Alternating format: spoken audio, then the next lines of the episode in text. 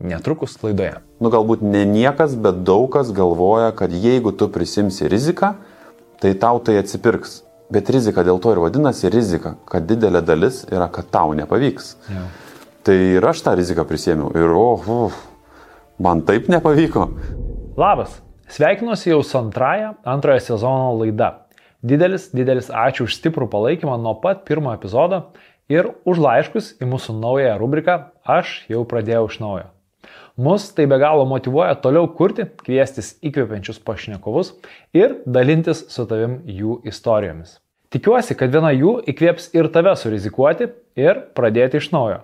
Galbūt tai bus ši istorija. Šiandien svečiuose vienas unikaliausių ir originaliausių Lietuvos šio laikinio meno kuriejų Tadas Černiauskas. Pasaulyje žinomas Tadao CERN vardu. Šiandien dauguma Tadą žino kaip estetiškų, modernių instaliacijų kurėja. Tačiau lūžio taškas Tado karjeroje iš tiesų įvyko su projektais Blowjob bei Van Gogh, apie kuriuos rašė didžiausi pasaulio leidiniai - The Guardian, The Sun, Daily Mail ir daugybė kitų. Tačiau man atrodo, nedaug kas žino, kaip Tadas apskritai atsidūrė fotografijoje, ką jis veikia iki tol, kodėl iš fotografijos pasitraukė pačioje karjeros aukštumoje ir kaip netikėtai net jam pačiam Tadui pavyko apjungti savo pirmąją specialybę su instaliacijų menu. Baigęs architektūros studijas ir vos keliarius metus išdirbęs vienoje architektūros įmonėje, Tadas galutinai apsisprendė, kad nebenori nei dienos dirbti niekam kitam ir savo gyvenimą dėliosis pats. Lengva pasakyti. O kaip jam iš tiesų sekėsi tą įgyvendinti praktiškai, išgirsite iš paties Tado lūpų. Pasiklausykim, kokia buvo ta kelionė kiek ir kokių klaidų buvo padaryta, kaip Tadui sekėsi tvarkytis su netikėtai užklupusią pasaulinę šlove ir pripažinimu, kokios yra meno perspektyvos Lietuvoje ir kaip iš to užsidirbti pinigų. Specialus Blitz Q&A, kaip visuomet, tik pin Contribui vidiniam ratui. Beje, mūsų Contribui platformoje jau rasi ir naujausią mano seminarą apie tai, kaip daryti mažiau, nuveikti daugiau ir susigražinti gyvenimo džiaugsmą. Seminaras vadinasi Produktivumas normaliems. O dabar jungiamės į PIN su Tadu Černiausku. Aš esu Aurimas Miklauskas ir čia laida Pradėk iš naujo.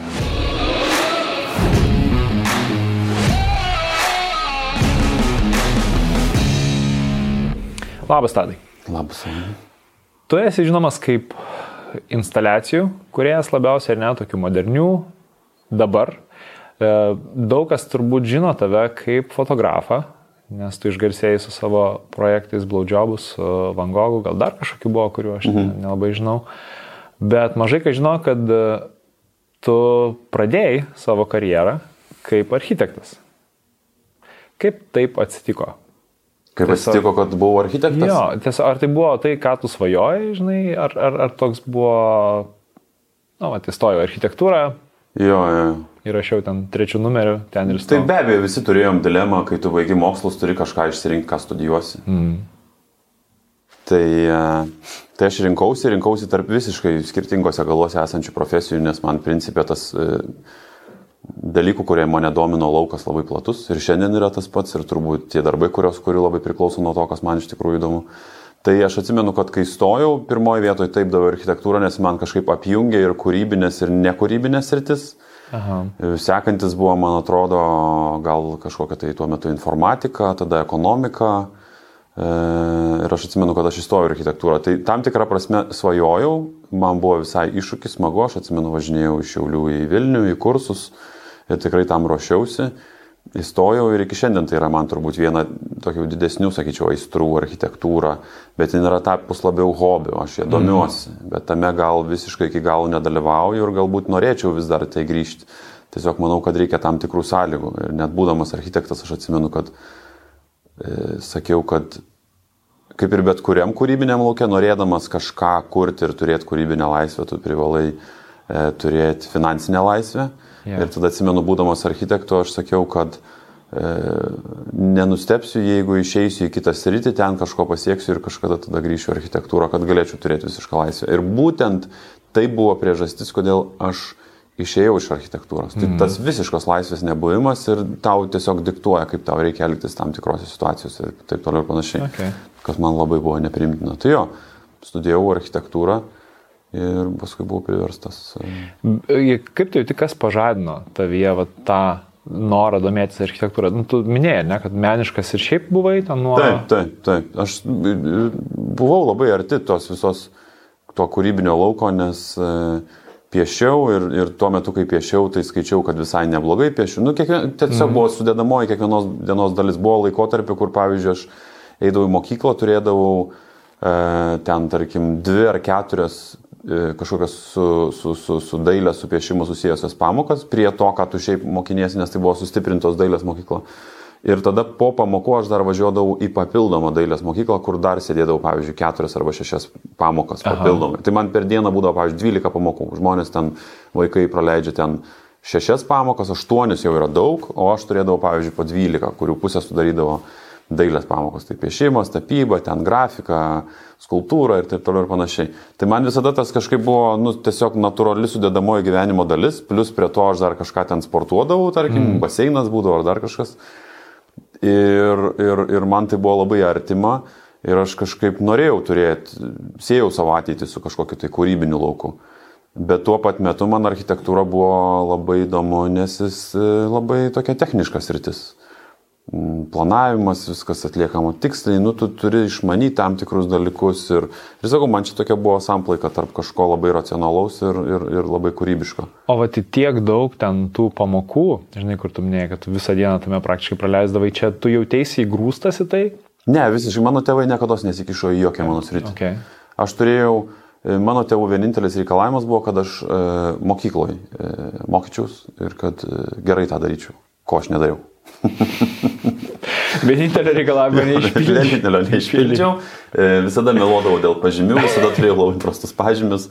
Bet e, aš nežinau, kodėl tai buvo. Nu, prasme, aš gal motivacijos nemačiau, prasmės nemačiau. Šiandien truputį dėl to gailiuosi, kad tam tikrų dalykų neišmokau ir yra bazinių spragų tam tikrose, žinai, e, disciplinuose.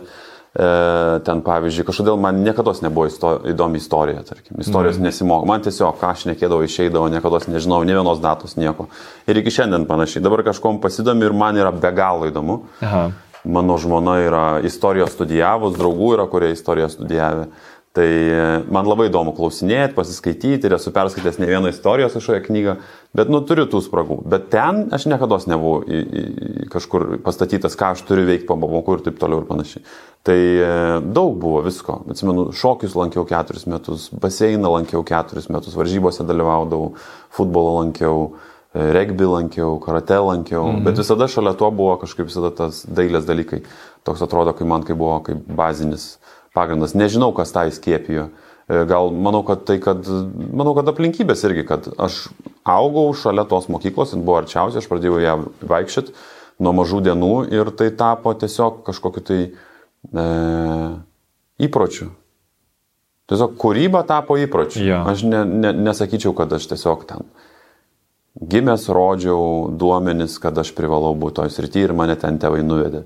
Ne, buvo arčiausiai mokykla, aš ją pradėjau vaikščioti, man gal tai patiko, nes, nes ir aš dabar, pavyzdžiui, matau, nu, bet kuriam vaikui piešimas yra žaidimas ir tas žaidimas labai fainas ir aš atsimenu gal ir daugelio dalykų toje mokykloje ne iki galo išmokdavau, nes aš kai kažkas buvo dėstoma, aš tiesiog sėdėdavau ir pieždavau į vadovėlius, į sąsvinius ir taip toliau ir panašiai. Ir su mano draugais buvo tas toks komunikacijos priemonė. Mm. Kažką nupieši, parodai, jis piešia, tu pasižiūri, pavydį, nori geriau, dar nupieši ir toks nuolatinis fainas konkuravimas ir, ir, ir, ir kažkaip tai buvo tokia aspiracija, kurios tu visada sėkiai žiūrėjai kitus ir, ir tai buvo toks sektinis tikslas.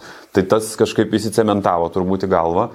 E, ir, ir, ir, ir, bet sakau, man kitos rytis būdavo labai įdomios. Kažkaip aš visada atsimenu, po, pavyzdžiui, po fizikos pamokų, visada po pamokų tiesiog likdavau ir uždavinėdavau klausimus fizikos mokytojo, mm. kaip, kas, kodėl, kodėl tas ir taip ir anaip. Ir tiesiog tęsdavosi tie pokalbiai. E, kompiuterį visiškai išsikraustęs dėl jų iš proto buvau, tavrasme visiškas fanas, fanatikas, programavimas ten ir taip toliau. Baziniai be abejo tie, tie dalykai, kiek ten vaikų gali būti įdomus, mm. bet e, labai įdomu buvo. Ir, Ir tada jau, kai sakau, kai reikėjo jau galutinai priimti sprendimą, kažkaip va, jie visi taip ir susijėjo į tą. Ir, ir dabar labai tas atsiliepia turbūt. Nes mano tos rytis ir yra tokios darbo priemonės, sakyčiau, labai susijusios su mm. kūryba ir su technologijom. Ir jeigu aš ten atsidarau telefoną ar kažkokius tai kanalus, kuriuos seku, YouTube tai, ką man siūlo, tai praktiškai yra technologiniai e, kosminiai, fizikiniai visokie, CERNas, e, James Webb teleskopo naujienos ir taip toliau ir panašiai. Šiaip geras, čia, e, žinai, būna žmonės nežino, na, tipo, kaip ne, samoningai nesuvokia, kuo jie domisi. Taip. Ir čia tavo, žinai, toks vat, būdas, kur tu atsidarai YouTube tą homepage, žinai, ir matai, kuo Taip, tu iš tikrųjų domiesi. Sistema, jis žino, kas ja. tau yra įdomu. Ja. Tai jo, Facebook atsidarau, tai pas mane yra e, karo naujienos ir dirbtinis intelektas. Viens paskui kitas straipsnis tiesiog keičiasi. YouTube'as tai yra visos technologijos ir kosmosas ir taip toliau. Ir, e, ir, ir, ir Instagramas yra praktiškai tik tais kūrybiniai dalykai. Man labai įdomu, kad tu paminėjai, kad kūryba tapo įpročiu. Mm. Žinai, nes aš taip tikiu, kad daug, daug žmonių ir aš manau vienas jų įsivaizdavimą turi, kad žmonės gimsta kūrybiški arba ne. Bet pas tave, tai, nu, tu sakai, kad ne, nebuvo va, to talento, kur iškart pastebėtum, Tadas tai jau ten kūrybiškas labai, taip, ne? Taip. Tai grinai atsirado tiesiog kaip iš... Aš taip galvoju, aš, aš esu toks kaip ir determinizmo šalininkas. Aš galvoju, kad, nu be abejo, mes turim tam tikras savybės, kurias labiau gal ar lengviau galim kultivuoti, bet vėlgi aš manau, kad niekas negimė gerų muzikantų, ar ten e, gerų, ten nežinau, dailininkų, ar kažko, dar kažkokių savybių nerodo. Aš manau, kad mes turim galbūt tam tikras savybės, kurios padeda ugdyti tam tikrus įpročius, žinai. Mhm. Tai pavyzdžiui, aš manau, kad talentas tai yra domėjimasis tam tikras rytim, kur tu gali tai daryti be atvangos. Nu, vat kažkas tave ten kabina, pavyzdžiui. Ir aš netgi žinau, kas man labai kūryboje patinka. Mhm. Man azartas yra. Ir, man, ir aš žinau, kad aš jeigu šiandien sakytų man, kad aš negaliu kurti, aš žinau, kad šitą savo azartiškumą labai nesudėtingai perkelčiau į kitą sritį. Ir yra begalė kitų sričių, kur tu vėl gali užsiminėti tą pačią kūrybą.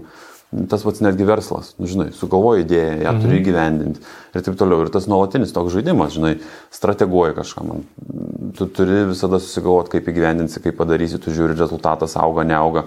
Pavyzdžiui, man nuo pat mokyklos, nuo pat vaikystės visada patys įdomiausi žaidimai tai būdavo strateginiai, ne kažkokie, kur bėgi, šaudo ir dar kažką darai, bet kur auga, augini, žiūri, galingieji, stiprieji ir taip toliau.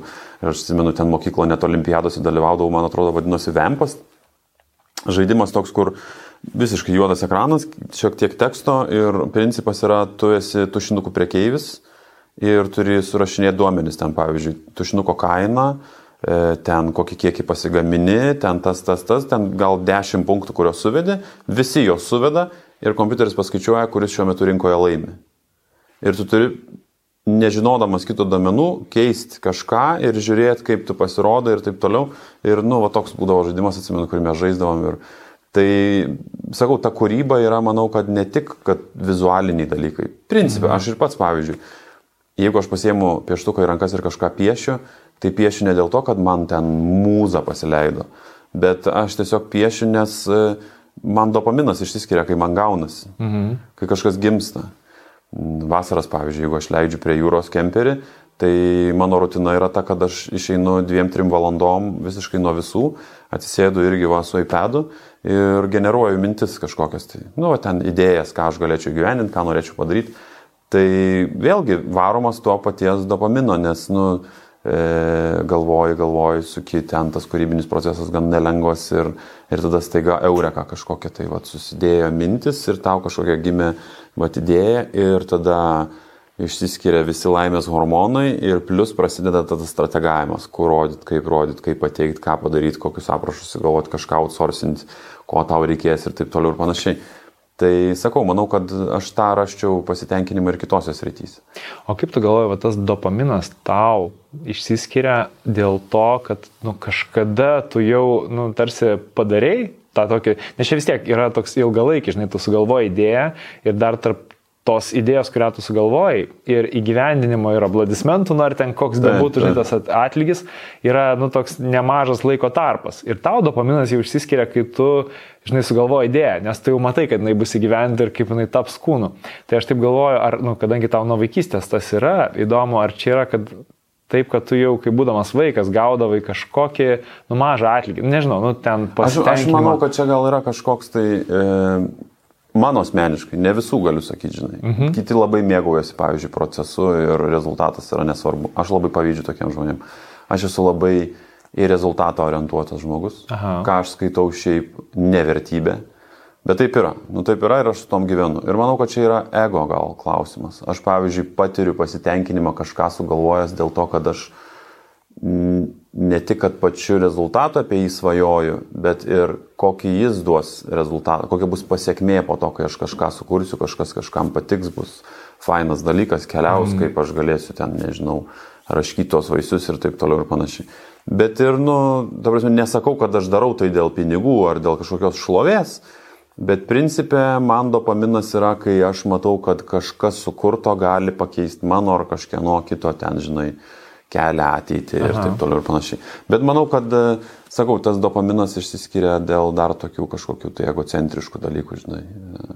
Tu minėjai, kad kai tu kažkuo domiesi, žinai, tu, tu nu, tarsi gali įnikti į tai, tenai leisti tai. laiką ir, ir tai galiausiai, nu, nu, tampa tiesiog tavo domėjimosi sritim. Bet šiandien mes turim tą tokią problemą, kad žmonės, nu, taip prilimpa prie, žinai, to scrollimo, prie telefono, prie, nu, tokio, nežinau, naujienų ten srauto skaitimo, kaip, at, nu, kaip atlipti nuo to ir, žinai, ar, ar tai reiškia, kad tiesiog jie nerado dar srities, kuri jiems įdomi, ar aš, tiesiog jie nevaldo dėmesio, nu, kas čia. Taip, taip, aš neįsivaizduoju, aš toks pat prielipa esu, visiškai priklausomas. Aš, žinok, e, aš, pavyzdžiui, neatskirčiau, tarkim, aš į vieną katilą metu viską.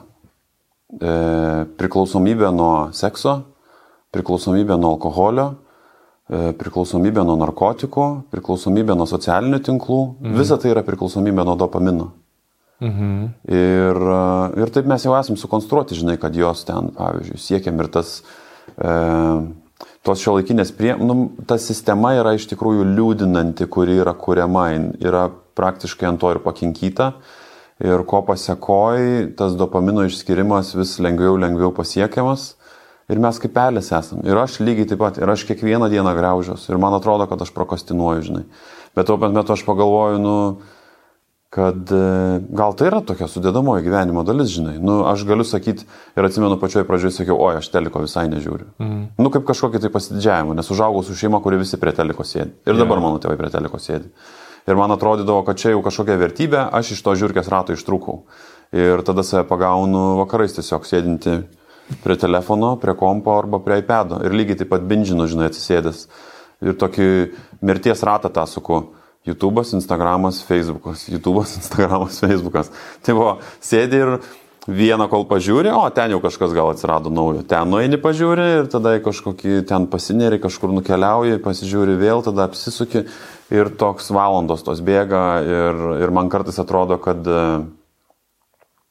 labai daug beprasmybės tame yra ir labai graužios, nes tu žinai, kad tu esi A jaunas, B darbingas, ir tu galėtum labai daug nudirbti ir aš pasiskaitau kiti žmonės, kaip gyvena, kurie ten, tarkim, turi kaip ir aš vaikų ir čia studijos darbas apsitvarko, viską pasidaro, elektroninius laiškus atsako iki ten penkių ryto, tada vaikus pamaitina, nuveža į darželį, į mokyklą, šoka, atidirba, pasiema su jais pabūna, jie nueina mėgoti, jie sėda prie kompo ir ten mm. baiginėja paskutinius ten skyrius kažkokius savo knygos, kurios rašo. tai aš tikrai taip nedarau.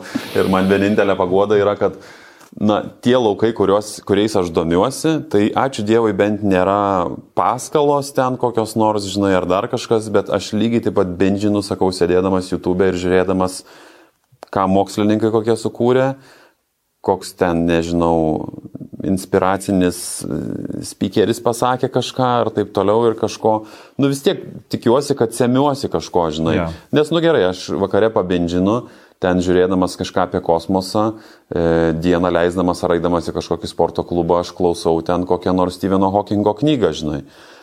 Iš to tu paskui ją pas, pa, paklausai, kažkada jeigu yra etapas, kai medituoji ir dar kažką darai, tu pasikontempliuoji, o kur aš esu visam šitam, žinai, mastelį dar. Mhm. Ir tada iš to gimsta gal galbūt kažkoks kūrinys arba šiaip požiūris į gyvenimą, žinai. Tai, tai aš kažkaip ir greužios, bet vis stengiuosi mažiau tą daryti, kad esu ne kažkoks netikėlis, kuris tiesiog sėdi prie telefono, bet sakau, kad nu yra sudėdamoji dalis, nes man asmeniškai yra be galo sunku atsispirti šitam dalykui, dopaminui, visom mhm. jo formom, žinai. Tai Ir aš galvoju, nu tai gerai, tai tokia mano gyvenimo legenda. Nu kodėl negalima, Kodėl žinai, ne? pasimėgauti. Ja, ja. Nu sėdžiu, nu pasėdžiu, nu pažiūriu. Nu, nu, tai tipo mes dabar visi turim tie būti supermenai. Nu faina, jeigu jam taip susidėlioja. Ir aš netgi manau, žinai, kai būna. Tu turi prisiversti sportuoti, pavyzdžiui. O kitam nereikia to daryti. Jis po keturias, mhm. po tris valandas. Ryte ten sporto salė, vakare bėgimas. Ir tu sakai, ei, senu, kaip tau čia taip gaunasi, aš irgi norėčiau. Jis sako, ką žinau, aš negaliu nesportuoti. O aš negaliu sportuoti, pavyzdžiui. Man, aš sportuoju daug metų, bet kiekvienas sporto, kiekviena treniruotė man yra iššūkis, valios ugdymas. Aš atsimenu, pavyzdžiui, buvau pradėjęs bėgioti, bėgdavau po 10 km per dieną ir aš kai tik išbėgu, tai aš taip, oh, vienas, dar devyni liko. ir visą kelią tokį. Ir kai atbėgu, jis, šiandien rytoj nereiks bėgti. Ateina jau ta diena, atsikeliu ryte, batus užsėdu ir vėl. Ir taip, pavyzdžiui, metus stabiliai, be pertraukų, po 10 km bėgdavau, bėgdavau, bėgdavau ir yra kas pasimėgaudami. Aš be abejo, gal kažką netaip dariau ir taip toliau ir panašiai. Bet žinau, kad tam tikrose srityse tas žmogus, kuris vakare grįžęs, kai vaikų užmiega, negali nerašyti. Ja. Pavyzdžiui. Tai, nu, tai gerai, nu, aš knygos neparašysiu tada. Gal kažkas gyvenime pasikeis, kai parašysiu. Tai ta savigrauža, aš manau, kad yra labai daug žmonių jungiantis bruožas ir, ir, ir, ir, ir, ir aš tai sakyčiau, kad čia tokia kaip pandemija, žinai, tau duoda visas priemonės elgtis, sakyčiau, nu, truputį netinkamai, tai reiškia save lepinti. Mhm. Maistas mūsų pasidaręs labai toks, kuris, kurio sunku atsispirti, jis labai lengvai pasiekiamas. Pats praščiausias maistas yra pats pigiausias ir pats skaniausias. Greito maisto restoranai ir taip toliau. Informacija ir jin yra dabar taip sukalta ir mes matom, kaip socialiniai tinklai adaptuojasi, kur tau iš vis yra viskas greitai prieinama, greitai prasukama. Gauni tik tais tas, tos key elementus iš, iš informacijos iš tik toko, kur ten tos punchline'us, jau tu net nebežiūri stand-upo valandos, tu žiūri tik tos trupinukus, kur jo. geriausi bairiai iš tos dviejų valandų stand-upo būna.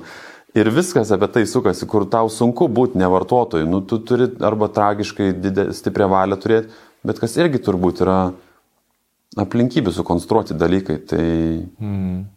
tai ta savigrauža, manau, kad yra labai stipri pandemija ir tai yra pasiekmė šiandien daugelio žmonių, kurie jaučiasi nelaimingi, jaučiasi netikėliai, sėdi, graužiasi ir taip toliau ir panašiai. Ir apie tai yra daug kalbama, kad tu daryk tai, mažiau graužkis, grįžk, sugebėk, susidėliok rutiną ir taip toliau ir panašiai. Tai... Bet aš taip kažkaip įsivaizduoju, kad gal tai yra problema tada, kai to balanso nėra, nes aš bent jau pas tave, ką aš girdžiu, žinai, nu, tai vakare paskrolinti, tai kaip ir sakai, žinai, tavo tėvai teliką žiūri, tokiu būdu atsipalaiduoja, tu skrolini, Taip, žinai, ir taip. dar plus gauni kažkokių ten idėjų. Man gal toks yra, e, nu, toks blogesnis variantas yra, kai tu, žinai, sėdi darbe ir kai tu turi ten, nu, žinai, skirti tas tris valandas, kurias tu, pavyzdžiui, sėdi prie iPado išėjęs kažkur pasivaikščioti, žinai, ir ten ieškoti kūrybinių idėjų, o jisai, nu, tipo, skrolina. Būnu ir taip, žinok. Neneigsiu, tikrai būna. Ir, ir tai yra pačios liūdniausias dienos, kur tu ateini ir turi kažką pasidaryti ir tokį liūną įkrenti ir tada žiūri, o velnės, vaikus reikia pasimti. Ir prasideda ta lavina tokia Jo. moralinio purvo, savęs graužimo. Diena praėjo per nieką, nieko nespėjau, nes nieko nedariau, tada važiuoju vaikus pasimti, tada savo susikūri mitą, kad tai aš prišoksiu, kai vaikai nueis mėgoti kažką padarysiu, parašysiu, ten turiu pasiruošti ir taip toliau ir panašiai. Ir gaunasi, kad ir ten neprisėdi. Nu ir toks gaunasi užburta. Kuo labiau esi sugniuždytas, tuo mažiau nori daryti, tuo labiau nori save tenkinti, tuo nori prastesnio maisto pavalgyti ir dar labiau pabėgti. Nu, net tikrai. Nu, baig, tą tai čia jau. Ne, bet aš suprantu, noriu pasakyti, kad jeigu kažkam atrodo, kad kažkas yra kažkur kažką pasiekęs, tai dar nereiškia, kad jis tobulai viską daro, supranti. Ir, ir, ir, ir, ir nereikia ir savęs nurašyti, nes aš manau, nu, kad tai yra didelė nelaimės iš tikrųjų priežastis. Daugelis gali žiūrėti ir galvoti, nu, vat, žiūrėdamas žmogus podcastais irgi binžina. Taip. Kitokia tik forma to pasirinka. Ir jam atrodo, kad galbūt visi susirinkę čia varo, daro, kuria, čia tik tais knygas rašo ar dar kažką ir panašiai. Tai aš gingdėvė toks nesu. Mm. Ir, ir, ir, ir, ir aš lygiai taip pat greužiuos, bet galutinė variantė vis tiek kažką pasidarau. Mhm. Tai galbūt yra tik tais priemonės, žinai, kaip tą daryti ir kartais turi atrasti savo, žinai, stipresias pusės, bet tas paieškos kelias, manau, kad neturėtų mm, versti tave jaustis negerai ir tie paklydimai kažkokie ir taip toliau ir panašiai. Nes, nes jeigu tau atrodo, kad tu esi netikėlis, nes kažką netaip darai, Tai šiaip atsitraukus ir pažiūrėjus į visą kontekstą, visas pasaulis stengiasi padaryti taip, kad tu kuo mažiau padarytum. Tai reiškia, visi verslai tuom pagristi. Yeah. Facebookas, ten socialiniai tinklai, maisto pramonė, visi produktai, daiktai, jie tik ir stengiasi tave atitraukti nuo darbo, nes jų yra darbas tai padaryti, nes jie iš to gyvena. Iš tavo tos sekundės dėmesio, kad tu dar truputį pažiūrėtum, kad tam, kol žiūri, tau reklamą išmestų ir dar kažką. Ir ten dirba didelės galvos, kurios tik ir bando tai padaryti. Ir, ir didelės galvos, ir intelektai, ir visa kita, ir taip toliau ir panašiai. Tai tu stovi principiai prieš labai stiprią armiją, tai nieko tokio, kad e, kartais pralaimi tą mūšį iš tikrųjų. Mhm. Aš tokį šeimlės plak padarysiu dabar. Šiaip esu seminarą Contribui padaręs apie įpročius. Čia labiausiai žiūrovus dabar kreipiuosi, kurie, nors ir tave, Galėsi ir tu pažiūrėti, parodysiu. Iš tikrųjų, tam seminare pasakoju pagrindę apie tai, kaip keisti įpročius, bet labai daug dėmesio skiriu būtent skrolinimui. Nes, A, jau mačiau tavo šitą. Taip, mačiau. Nes man atrodo, kad, žinai, bet aš, pavyzdžiui, jeigu aš pradedu skrolinti, aš irgi negaliu nustoti. Bet e, aš ten labai daug koncentruojuosi į tai, kaip nepradėti skrolinti. Nes, nes dienoje pas mus yra labai daug tokių progų, žinai, kur, nu, tipo, pamatyti telefoną, ten sumirksėjo kažką, žinai, o reikia pažiūrėti ir pradėti skrolinti. Ir toks, vad, kaip biški pabėgti nuo to, žinai, kiek valandų. Pasižiūri vėl laikrodį. Tai vat, apie, apie tai ir principas, kalbu. jo, tai principas yra tas dabar labai populiarus, tas, man atrodo, terminas kylantis, tai dopamino deto, detoksas, mhm. kur tu stengiasi savo duoti kuo mažiau dopamino, kad smegenys apsiprastų, kad tu jo vis negauni. Nes principė tas ir yra kišimas rankos į kišenę, telefono išsitraukimas, nes tu turi lūkesti, kad ten pamatysi kokį nors uh, pranešimą ar kažką, ar atsidarys Facebooką ir vėl pamatysi kažkokią naujieną ir, o, vėl gera, ja. ir gera, ja. ir vėl gera. Tai jo, aš, aš asmeniškai irgi stengiuosi tas priemonės kažkokias tai susikurti aplink save, tai viena iš jų tai nusiemu nuo telefono visus notificationus, mhm. viską, kad principė nebūtų pertraukiamas tavo procesas. Kad aš sakyčiau savo, kada aš noriu pažiūrėti, o ne man. Ir yra tokių naujų socialinių tinklų, kur kaip Birilas, kuris dar agresyviau tavo gyvenimus, kur sako, ei seniai, tavo draugas ką tik pasipaustino kažką, turi ir dabar tu nubėgti tą patį padaryti. Tokiu pagrindu yra kūriamas.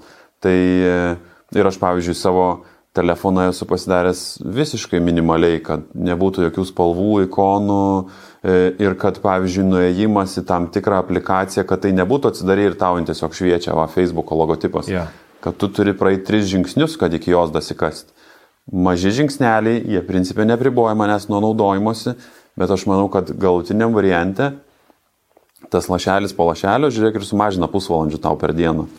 Nes kažką yra daug sunkiau, žinai, padaryti ir taip mhm. toliau. Ir esu naudojęs tų visiškai, kur e, išsitrini Facebook'o aplikaciją ir norėdamas pažiūrėti Facebook'ą turi eiti per e, naršyklę, prisijungti www.facebook.com ir tada prisiloginti. Ten, ja, ir rankom įvesti slaptažodį. Ir, ir kai jau baigiau savo sesiją, tai logout ir išeinu. Savaitę gal pasikank, po savaitės tiek įgunda rankos vedinėti slaptažodį, kad tu tiesiog tą darai labai gerai. Ja. Tai jo, jo, nu toks nuolatinė kova visas šitas reikalas. E, gerai, dabar biški noriu pagrįžti dar mhm. į architektūrą. Ne, tu jau e, pasudėvai, pradėjai dirbti kaip architektas. Ir tu minėjai, kad viena iš priežasčių, kodėl tu nu, galiausiai nusprendė išeiti iš architektūros, tai buvo uh, ir čia gal net ne visai iš architektūros išeiti, bet išeiti iš darbo, nes tau nepatiko, kad tu turėjai ja. vadovą virš savęs. Gal gali truputėlį papasakot, nu, koks jausmas buvo vis tiek priminti ar prisiminti ir pats, žinai, koks jausmas buvo va, dirbti tą architekto darbą, kai tu turi kažką virš savęs ir dar turbūt ne tik savo vadą, dar ir klientą ir ten. Taip, taip, taip. Tai, tai uh Vėlgi gal yra tam tikra pasiekmė, nežinau, mano, mano tėtis e, visą mano sąmoningą vaikystę, kiek aš atsimenu, visada kartoju, niekada nebūsi laimingas, jeigu turėsi vadovą. Niekada mm. nebūsi laimingas, jeigu turėsi vadovą. Ir jo pačio visada sėkmybė buvo. E, dirbti savo, nu, at kažką. Jis turėjo nedidelius kažkokius tai verslus, kažkokias veiklas. Ir atsimenu, ir tragiškai baigėsi jo darbas, kuris turėjo vadovą, nes galiausiai susipyko. Nes e, nežinau, kaip kitiems, man asmeniškai irgi nėra priimtina, kai žmogus tau nurodinėja, o tokių mes pavyzdžių žinom, kad būna, mm. ne tik kaip elgtis darbe, bet dar ir kaip gyventi, ir ką po darbo daryti ir taip toliau ir panašiai. Tai e, man architektūra labai patiko, bet aš tada nuėjęs ir pradėjęs dirbti, aš supratau, kad aš turiu ne vieną vadovą, bet turiu jų begalę. Tai reiškia, kad visų pirma, tu turi klientą, turi įmonės vadovą, turi reglamentus, savivaldybės, vyriausybės ir taip toliau ir panašiai. Ir principė tu pasidarai tiesiog įrankis, kuris turi tam tikrą know-how ir čia stovi begalė žmonių ir jie mhm. visi turi savo interesų ir pagėdavimų. Ir dabar tu turėdamas savo know-how viską turi sujungti vieną ir pavadinti tai kūrybą. Yra faina, kas tame laviruoja ir aš nesakau, kad tas kelias yra blogas ir aš manau, kad mes visi turim e, kažkokiu tai, nežinau, e, savo įsivaizdavimu, kaip tavo gyvenime kas turi būti daroma, tai kiekvienam yra savo. Mano atveju, man šita koncepcija buvo neprimtina. Ir aš pamačiau, kad aš nesijaučiu laimingas, o aš norėjau kurti, o tos kūrybos man liko nemažai. Tai yra, liko mažai. Ir, ir aš kažkaip pradėjau nejučia kažkaip svajoti apie kažką kito. Ko pasiekoju tada ir pradėjau ieškotis kitų veiklų ir, ir tiesiog stačia galva nutraukiau viską ir nėriau į, į naujus dalykus.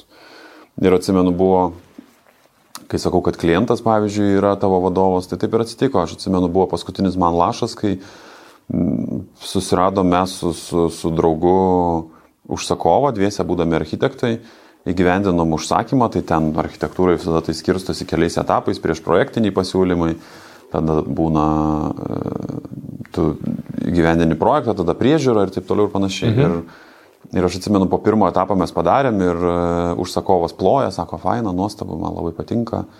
Ir visada tie etapai yra skirtingi įkainiai. Tu padaręs vieną etapą gauni atlygį, darai antrą etapą vėl gauni atlygį ir dėl jo tariesi.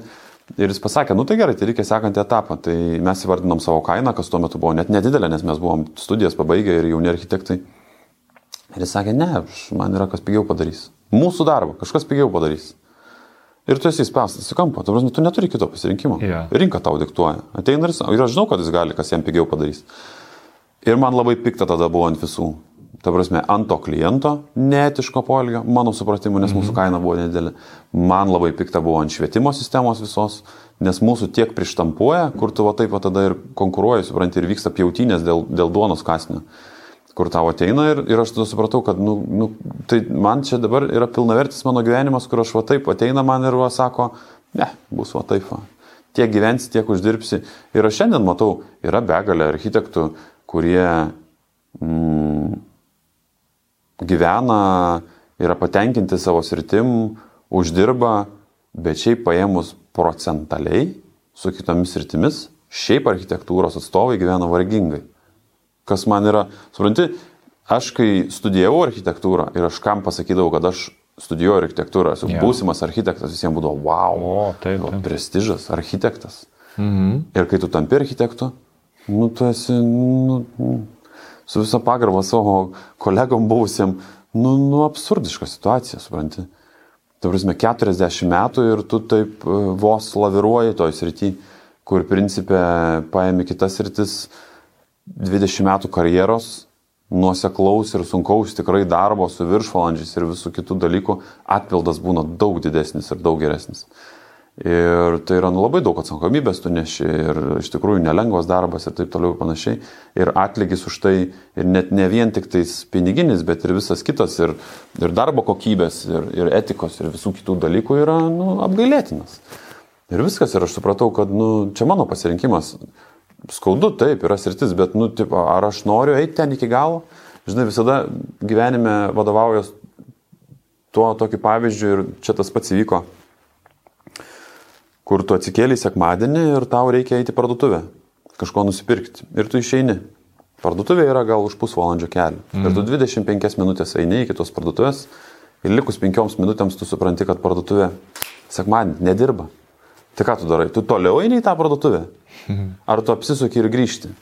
Tai mes daugeliu atveju elgiamės, kad mes toliau einam į tą parduotuvę. Aha. Aš jau supratau, kad šitą man sistema neveikia, bet aš jau kadangi mokslus baigiau, magistrą ir dirbu ir turiu darbą ir taip toliau, nu tai aš tada ir varysiu iki gyvenimo pabaigos. Nu tai mano atveju man tai buvo didelis nepasitenkinimas ir jis man net fiziškai išsivertė, kur aš blogai jaučiausi tiesiog. Aš jaučiausi apgailėtinai. Ir aš nusprendžiau, kad aš nu, nebenoriu. Kaip fiziškai tau tai išsivertė? Skrandžio opos ten kažkokios, nu vis tiek, nes tu greužės, negera, nemalonu, nežinau, apetito nebuvimas kažkoks. Tai, nu, aš tai sakyčiau, kad tokie buvo pirmieji depresijos kažkokie požymiai, žinai. Okay. Ir manau, daug kas su tom susiduria, bet nubraukė, nubraukė, ne, nu, tai man, o ką, o ką man daryti? Mm. Ką aš čia dabar viską mesiu? Nu taip, mesi, viską mesi, paimsim mesi, nes likęs tavo gyvenimas yra daug brangesnis negu tai, ką apie tave pagalvos, ką tau pasakys ir taip toliau ir panašiai. Mm. O, o visiems buvo, ką, ta prasme, mano tevam iš vis buvo nesuvokiama. Tiesiog tu dabar čia šešis ar ten septynis metus mokėsi ir čia jau įsidarbinai ir dabar staiga viską nubraukiai ir tiesiog tiesiai šviesiai pasakai, kad nebeusi architektų. Nu jo, aš ne, ne, ne, nebūsiu, ne, man nepriimtina taip ir. Sunku buvo su va šito? Labai visam. sunku, labai sunku. Tikrai nė, nėra tos panacėjos, kur čia užtenka sugalvoti ir va, vienas padarė ir, ir čia dabar tai bus. Žinai, irgi, kadangi daug brausinu, tai labai daug visokių mymų matau ir taip toliau, tai vienas, kuris irgi lipa į galvą, kuris dabar labai guviai, kuris laikas yra populiarus. Žinai, kai sako, ten e, aš dirbau ten 24-7, ten kokį nors darbą, 9 to 5. Yeah Ir tipo, aš susitaupiau pinigų, pardaviau savo automobilį, viską investavau į savo pirmąjį verslą ir ten, ne va tai kažkokia sėkmės istorija. Tai dabar matau guvų tokį mymą, kur čia aš viską tą patį dariau ir taip toliau ir panašiai. Ir štai po penkių metų galiu pasakyti, kad neturiu nei mašinos, nei santaupų. Tai čia yra ta realybė. Niekas, nu galbūt ne niekas, bet daug kas galvoja, kad jeigu tu prisimsi riziką, tai tau tai atsipirks. Bet rizika dėl to ir vadinasi rizika, kad didelė dalis yra, kad tau nepavyks. Ja. Tai ir aš tą riziką prisėmiau. Ir, oh, oh, man taip nepavyko. Nors man buvo tragiškai sunku, aš, aš tikrai depresiją susirgau tiesiog. Po nes, to, kai jo, iš, iš, įmečiau save į tokią situaciją, kur, kur labai kankinausi, daug dalykų bandžiau, labai jaudinausi, pergyvenau, daug kas nesigavo, daug pinigų išleidau, pasėmiau paskolas. Tėvų nekilnojamo turto užtačiau, kad galėčiau, o tiesiog, kad galėčiau. Ir kaip tik buvo 2008 metų krizė. Ir viskas susimetė, kur aš atsimenu, va, taip, va, lovoj, vakarais guliu ir nežinau, ką daryti. Ten e, mėnesį įmokos už paskolas ir pragyvenimą ir aš pasiskaičiuoju, kiek man viskas kainuoja ir taip toliau. E, yra dešimt kartų viršyje pajamas, kurias aš sugebu sugeneruoti. O jau skaičiuoju, kad jau po metų man baigsis ten, pavyzdžiui, paskola ir aš jau turėsiu ją mokėti įnašus ir visą kitą ir taip toliau ir panašiai. Ir ėjau iki tokios ribos, kur aš atsimenu, suskaičiau, gruodžio mėnesį man baigėsi pinigai ir va aš turiu per mėnesį atmušti kokius 3000, ten 2000, neatsimenu tiksliai sumų mm. eurų, bet aš uždirbu iš to, ką aš šiandien veikiu, 500. Ir liko 3 mėnesiai, ir liko 2 mėnesiai, ir liko mėno. Ir aš man panikos priepoliai, ta prasme, naktį košmarai, trečią, penktą keliesi nubundi, prakaitas muša, kūnas sustingęs, iš namų išeit bijau ir tada važiuoju pas psichoterapeutą ir išrašo man ten vaistų ir tokių ir anokių. Ir, ir atsimenu, kad e, sausis 16 tūkstančių įplaukos, vasaris 10 tūkstančių. Ir dabar išsirutulioja kažkas kažkaip. Ir, ir net tada, kai jau atrodo, kad viskas buvo gerai, aš sritį nekartą vėl keičiau ir aš tą išgyvenu metai iš metų, nekartą esu tą išgyvenęs. Kur aš jau esu savo vėžėse ir toliau važiuoja traukinys puška ir ateina gruodis. Tris mėnesius liko. Turiu tik tiek pragyventi ir nežinau, ką toliau daryti. Ir yra šeima, ir vaikai, ir dar kažkas. Ir praeina, ir išsirutulioja, ir viskas būna gerai. Kokia yra ta magiška formulė?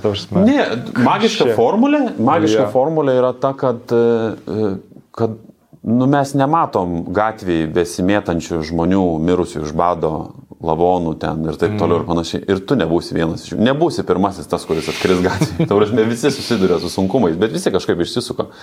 Tai principė čia yra tik konstruktas, kad vis, o, o, o, o, o kas manęs laukia, kaip dabar bus blogai. Yeah.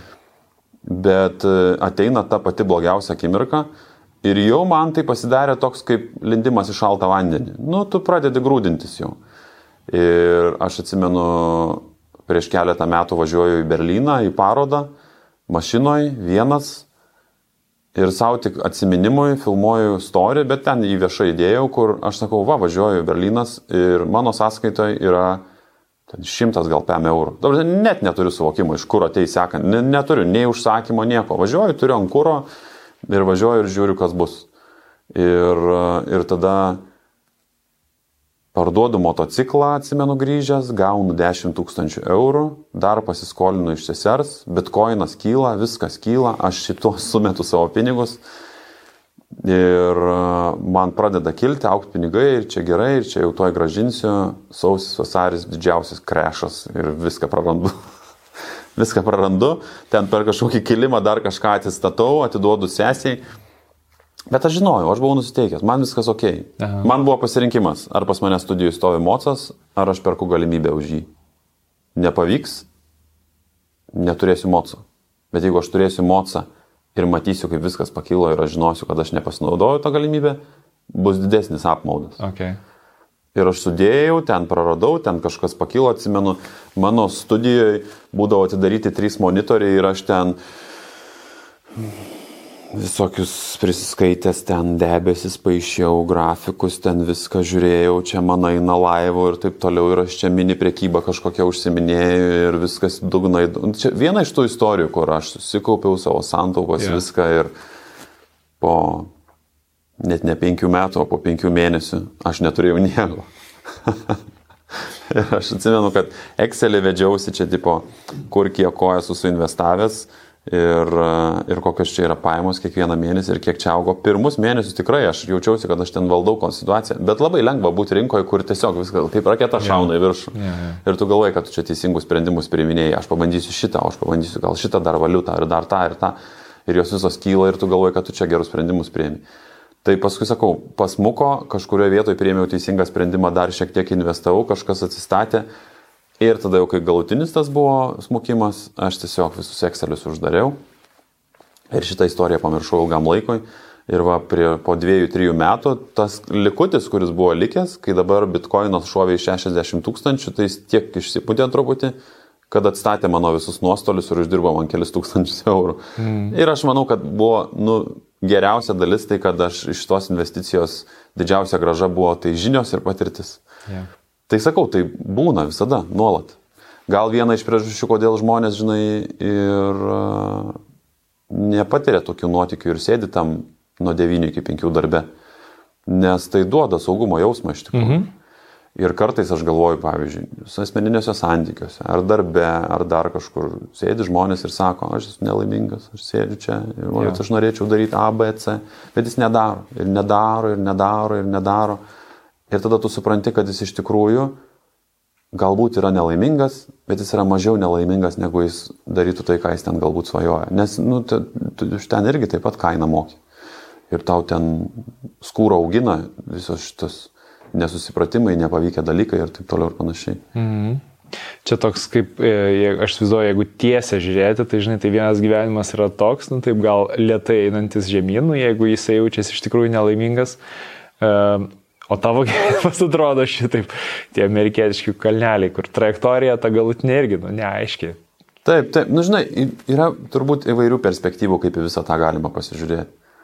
E, sėdėdamas tam, aš nesak, vėlgi pasikartosiu, nemanau, kad nuo 9 iki 5 darbas yra blogai. Mhm. Aš tik manau, kad ne visi modeliai yra visiems tinkami. Tai, e, bet aš puikiai suprantu ten ir pats nekartą esu svajojęs, kur jau to nuosmukio metu vieno iš jų kažkurių, galvoju, tiesiog faina, atsikelčiau, nueičiau darbą, sėdi, užduotis tau sudėtos, bara, bara, bara, bara, padarai ja. kažką. Bet e, lygiai tas pats yra, kad ir e, nei vienas kelias tau negarantuoja nei sėkmės, nei kad ten bus gerai, nei kad tu jausies savim patenkintas ir taip toliau. E, ir lygiai taip pat turbūt darbė nuo 9 iki 5 irgi tų kalnelių ir būna, ir visokių, ir jų tikrai būna, ir žmonės, ir, ir pakilimai, ir euforijos, ir nuosmukiai, ir darbų keitimai, ir taip toliau ir panašiai. Ir lygiai taip pat išėjęs tu gali šokti tokią monotoniją, žinai, tam darbę. Mm. Ir tu pamatysi, kad tam darbę nuo 9 iki 5, kad ten buvo daugiau iššūkių. Nes aš tikrai žinau, kad aš, pavyzdžiui, savo mokslinės laboratorijos nesusikursi ir savo teleskopo į kosmosą neišsiųsi. Jeigu tai yra tavo kelias, tu privalai dirbti kažkokiam yeah. sisteminiam dalykė, korporatyvas, mokslinės institucijos, turėti vadovus ir taip toliau ir panašiai. Neišvengiamai, tai yra tokių sričių ir dėl to sakau, kad kiekvienam yra kiekvienas savas kelias, tik tais manau, kad jeigu esi kažkuom nepatenkintas, tai gal visai, e, visai, visai verta yra nu, prasibandyti, prasižiūrėti, kokie tie yra vandenys aplinka, kas mhm. tau galbūt tinka. Tai galbūt klaida yra, jeigu kažko nori, nepabandyti turbūt. Yeah. Bet sugrįžti visada yra ok, man atrodo. Ir labai lengva, žinai, iš šono tada kitiem tik tiesiog sėdėti ir sakyti, o, tai grįžai, Ne, sakiau, tau nepavyks. Mhm. Nu, jo, bet aš bent pabandžiau, žinai. Tai manau, kad būt tuo, kuriam nepavyko kažkas, ar, ar šiaip negerai, ar kažkokią užduotį atlikti, ar nebūt super tobulu yra ok. Ir čia viena dar iš priežasčių, kodėl mes, žinai, jaučiamės nelaimingi. Ir viena iš priežasčių, kodėl tie visi socialiniai tinklai ir panašus dalykai yra negerai, nes jie formuoja tokį požiūrį, tokį mhm. požiūrį kad visi yra labai sėkmingi, gražus, lygiom yeah. veido odom, tobulom figūrom ir taip toliau ir panašiai. Kalbant apie tą pabandymą, aš čia kalbėjau, šiaip pirmam pačiam Pino epizode e, buvo Rūta Merkytė, e, Manilai, kurie ir aš jai nu, uždaviau tokį klausimą, tiesiog kaip, sakykime, nu, jeigu tu ten, tarkim, e, dirbi tą nemėgstamą darbą, jauti galbūt jau kažkokią kryptį, žinai, ir ką daryti, mhm. deginti tiltą ir varyti, žinai, visas paėgas į tą naują sritį. Uh, ar kažkaip mažai žingsniais, žinai. Aš esu labiau mažai žingsniais žmogus, aš, pavyzdžiui, kai keičiau sritį, tai man užtruko 3 metus, realiai tas visas procesas, a, tuo tarpu rūta nesako. Varyk Olin, nu, tipo, jeigu jau tu jauti, kad tave tai kviečia, tai jeigu tu ten dar bandysi kažkaip tai lietai žingsnelis, tu tiesiog, nu, realiai neatsiduosi visam tam. Kokio tipo tu žmogus esi?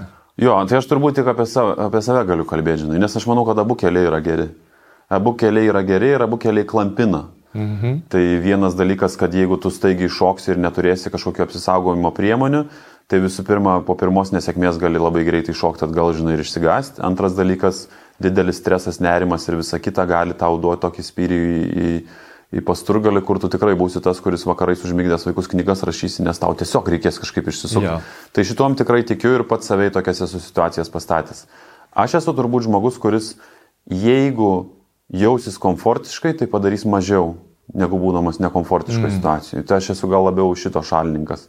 Tai nemažai kainuoja nervų ir viso kito, bet, bet aš žinau, kad iš komforto zonos nieko gero negimsta.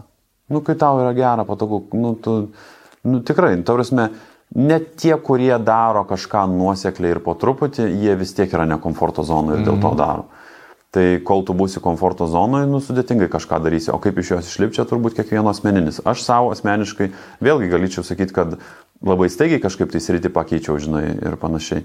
Bet e, manau, kad link to buvo einama vis tiek ilgai, žinai, tu ir vis tiek ir apsigalvoji, ir, ir sprendi, ir kažkokias jau naujas erdis pradedi čiupinėti, ir jo labiau nemenkas pasiruošimas yra, nu pavyzdžiui, aš išėjau iš, iš architektūros ir aš bandžiau ir kažkokius tai, nepavadinčiau tai verslais, bet, nu, kažkokius tai avantūrom, e, vers, nežinau, tokiam versliom užsiminėti ir, ir visko bandžiau ir, ir, ir, ir kitas kūrybinės rytis. Tai negaliu pasakyti, kad aš tiesiog buvau muzikantas ir nusprendžiau būti fizikas, žinai. Mhm. Tai tos visos rytis jos man iki tol irgi buvo įdomios. Ir aš domėjausi, ir knygų pasiskaitydavau, ir sekdavau, ir kalbėdavau, ir, ir turėjau draugų ratą, kurie kažkom užsiminėjo, ir pats pakontempliuodavau, ir nebuvo, kad tiesiog šiandien esu architektas, rytoj atsikėliau, aš nebe architektas, bet ką darysiu, nežinau. Tai mini planą buvau susidėlioję. Aha. Esmė yra ta, kad tas planas nepaėjo.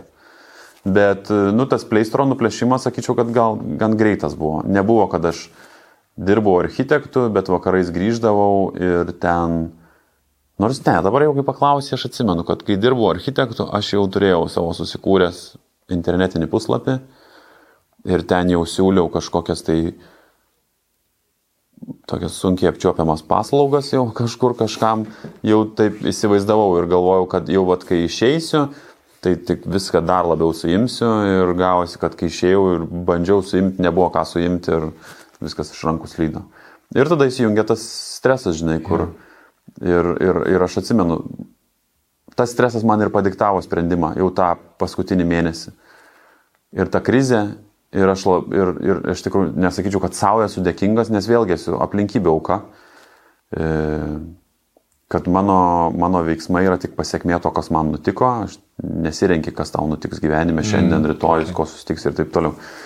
Tai aš išėjau iš, iš architekto darbo 2008, man atrodo, bet nu ten buvo jau trupiniai likę iki visiško to kracho nekilnojamo turto ir kur sustojo visi darbai. Ir aš žinau, kad aš išėjau tiesiai prieš tai, kai mane būtų atleidę po to. Suprantate? Yeah. Ir aš toks, kur pats pirmas iššokau iš to laivo skęst, kuris jau turėjo pradėti skęsti ir visi, kas jame sėdėjo, nuskendo, aš tiesiog buvau pirmas, kuris tas nuolaužas dar sugebėjo susigaudyti. Tai sakau, nesu savo dėkingas, bet esu laimingas, kad tai padariau. Nes ir tada mačiau, iš, iš, pats plūduriuodamas, kaip ten žmonės klykia iš tos kestančio laivo ten, ir, ir taip toliau ir panašiai. Ir aš tiesiog išėjęs, atsimenu, pradėjau siūlyti paslaugas, nu, tokias e, šalia esančios architektūros, tai reiškia ten vizualizacijų darimas, maketų gaminimas, ten dar kažkas tai tokio. Ir aš bandžiau, bandžiau, bandžiau ir man tada jau paskutinį tą mėnesį toptelėjo. Ai, atsimenu, buvo visiška desperacija ir pats liūdniausias etapas, kai aš jau pradėjau siūsti laiškus į užsienį ir sakyti, gal galėtumėt mane priimti dirbti, gal galėtumėt mane priimti dirbti. Jau tada galvoju, aš grįšiu į tą ofisą, į ofisą. Ir, ir aš taip nenorėjau, kad man kas nors atsakytų teigiamai, kad aš, nu, toj baimiai, tom nesaugume, aš dabar turėčiau važiuoti dar į kažkokią svetimą šalį ir ten bandyti kažkaip įsikurti ir kažką tai daryti. Bet jau čia tokia desperacija buvo ir man, man atsakymas iš visų buvo, ne, atsiprašom, sunkus laikotarpis, mes mažinam kaip tik savo kaštus ir visa kita Ir man tada, galvoju, mažinat kaštus. Aš sėdžiu čia Lietuvoje.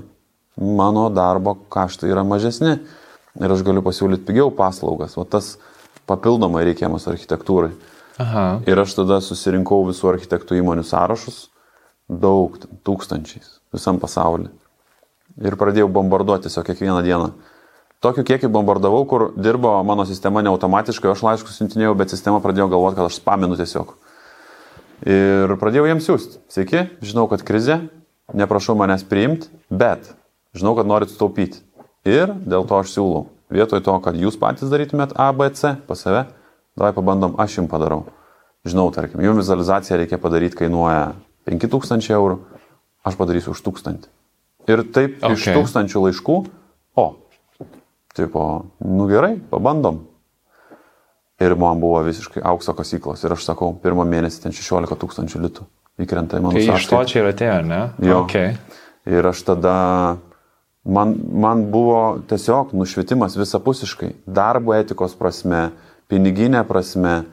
Šiaip, man tada atsirado jau prasmė, buvo ten metai, ne vieni gal praėję, jau po to mano viso blaškimosi bandymo daryti dalykus ir matymo, kaip viskas lysta iš rankų. Ir aš tada pamačiau, kad E, visų pirma, aš gaunu gerą atlygį, nepalyginamai su Lietuva. Mhm. Iš Lietuvoje ten būčiau sakęs tūkstantis litų, o ten buvo tūkstantis eurų. Lietuvoje, jeigu aš darydavau kokį nors užsakymą, tai visada būdavo principas toks, o, fainiai padarėjai, gal galėtum nuolaidėlę. Tu toks yra įprastas dialogas yeah. visada pabaigoje užsakymo. Užsienį buvo, o, fainiai padarėjai, te tau bonusas 10-15 procentų. Man buvo, nesuvokiam, ta prasme, bonusas, aš jau ir taip iš jūsų daug uždirbu. Ir viskas, ir man tada įsicementavo į galvą, kad aš su Lietuva, su, su, su Lietuvos rinka nieko nebenoriu turėti. Aš pamačiau, kaip faina yra dirbti su užsieniu, kaip jie mm. tave gerbė, kaip jie tave vertina, jeigu tu kažką gerai darai, kaip jie tave skatina bonusais ir nenori tavęs paleisti iš rankų, nes jų projektai kažkokie plaukia, jie nori tave turėti užsirezervavę, jie nori, kad tu jam darytum Ir viskas, ir aš pradėjau tos daryti dalykus ir man tai buvo visiška, nu sakau, nušvitimas. Nes iki tol aš tuos metus išėjęs aš buvau visiškai tikras, kad aš čia jau padarysiu daug visko. Ir tada aš ir įkūriau portalą, čia susikūriau Lietuvoje architektūros ir dizaino. Ir atrodo visus teisingus žingsnius padariau. Bet vieno žingsnio nepadariau, tai nežinojau rinkai iš vis to reikia. Ir pasirodo, kad nereikėjo. Ir Tada aš nusprendžiau, kad aš laimėsiu architektūros konkursą. Nu, va toks, va, taip, va, galvojau. Didelį konkursą laimėsiu. Buvo Tauro kalno ten e, tautos rūmo ar kažkaip ten vadinosi, ten kur ir kino salės, ir ofisai, ir viskas, grandiozinis projektas. Aha. Vienas atsisėdau, buvo, aš jį nugalėsiu, aš padarysiu tai, ko niekas nepadarė. Jie pamatys, kaip turi gerai architektūrą atrodyti. Šiandien man gėda tą objektą būtų parodyti. Bet faina, nu žinai, tu tave gniuždo, gniuždo, yeah. gniuždo, gniuždo, tavo tą ego sutrupina, sulaužo ir tada tu pradedi nuo mažų dalykų ten apačioj knebinėtis ir ieškotis, kas iš tikrųjų yra gerai. Ir vat, nusileidau į apačią ir nebe apie kažkokią pompastiką galvojau, bet pradėjau kabintis už ma ma mažų kažkokių užduočių ir taip toliau ir panašiai. Ir nuo tų paprasčiausių dalykų kažkaip pradėjau truputį kopti viršų. Ir aš atsimenu tada, va, teikiau tas paslaugas, mhm. viską dirbau ir po kurio laiko pradėjo atsirasti jau ta, vėl tu atsiduri toje komforto zonoje, jau tu pradedi galvoti, ko galbūt kažko kito norėtum, prasidėjo atsirasti ta truputį monotonija ir prasidėjo atsirasti nepasitenkinimas. Ir tada pradėjau vėl ieškoti kažko. Kiek laiko maždaug patruko tas etapas? Metus gal, manau, metus kokius taip komfortiškai pailsėjau nuo viso to streso, visko, turėjau tos užsakymus, juos dariau, viską ir, ir tada jau vėl įsijungė, žinai, kūnas pailsėjo, smegenys atsigavo ir tada vėl pradėjo Mhm. Kas įtvidui kažkas tas ego ir visa kita, žinai, tai ar čia, tipo, aš dabar visada taip ir sėdėsiu. Tai kas, tai nebe architektas ir ne šiaip kažkas, bet tiesiog vizualizacijas darysiu. Tai,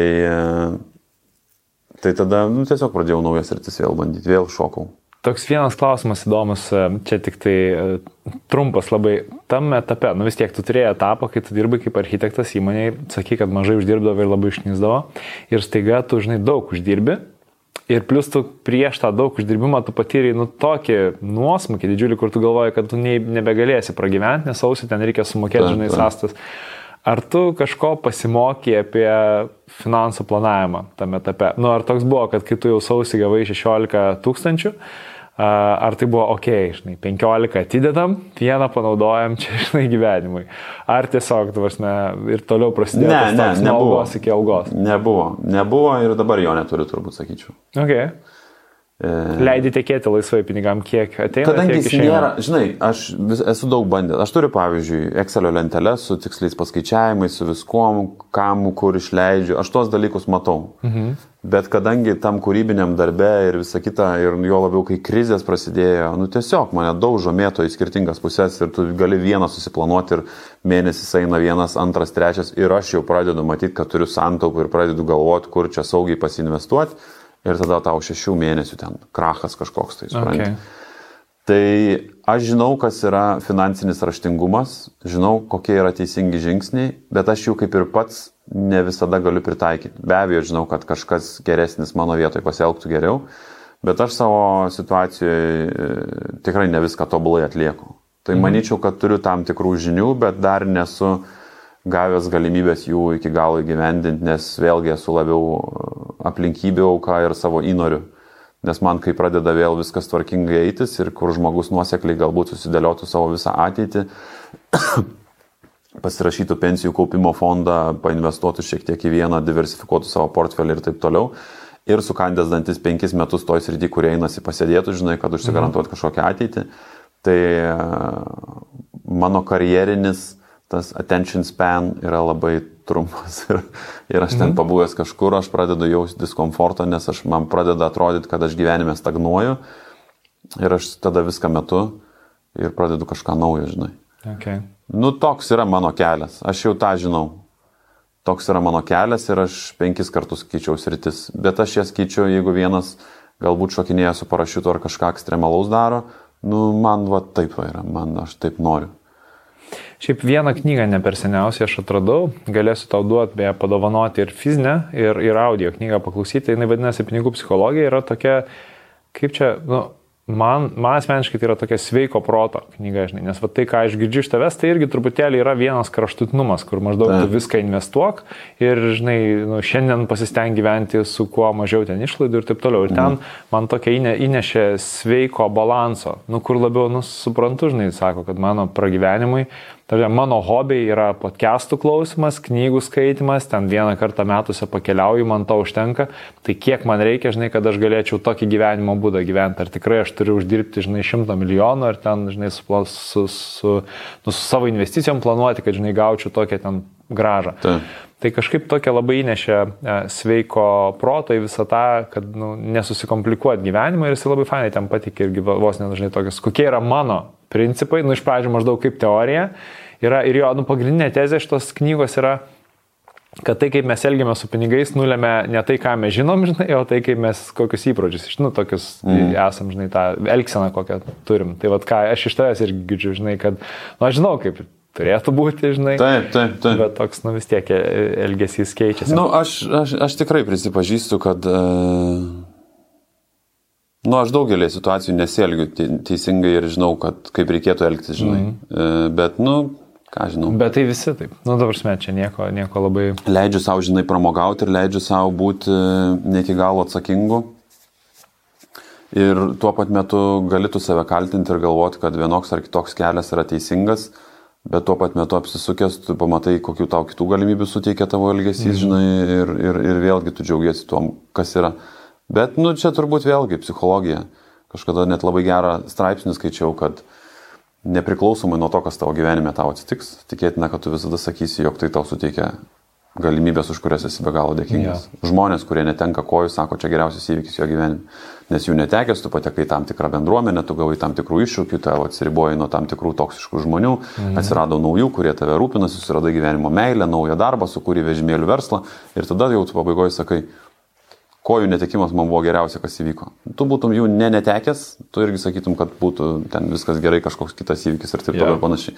Tai irgi mano tas neatsakingas paaugliškas elgesys tiek su finansais, tiek su savo karjera ar dar kažkom e, duoda man tokių galimybių, kur aš ten paklykau jau ne vieną kartą metuose ir sakau, wow, kaip faina. Mm. Vat būčiau aš dabar padaręs kažką taip ir taip ir būčiau dabar kitaip gyvenęs. Ir būčiau, būčiau, aš gal jeigu būčiau likęs kažkokioje vienoje srityje arba architektūroje ir pradirbęs joje, šiandien mes čia nesėdėtumėm, gal aš kažkur kitur sėdėčiau, gal aš kitą žmoną turėčiau ir taip toliau mm. panašiai. Ir viskas būtų ok, manau. Gerai, grįžtam, grįžtam dabar į tą vietą, kur e, tu dirbi metus jau ten užsakymus kažkokius vykdai ir sakai, va, jau nu, komfortas kaip ir atėjo, kas toliau vyksta tavo gyvenime, kai praeina tie metai to komfortabilaus vykdymo užsakymų iš užsienio. Ta. Tada aš, e, mano žmona tuo metu buvo vestuvių planuotoja. Mhm. Ir toks kaip ir e, vienas iš mano hobių buvo, nu, vat, sakau, man labai įdomu yra kažkokį...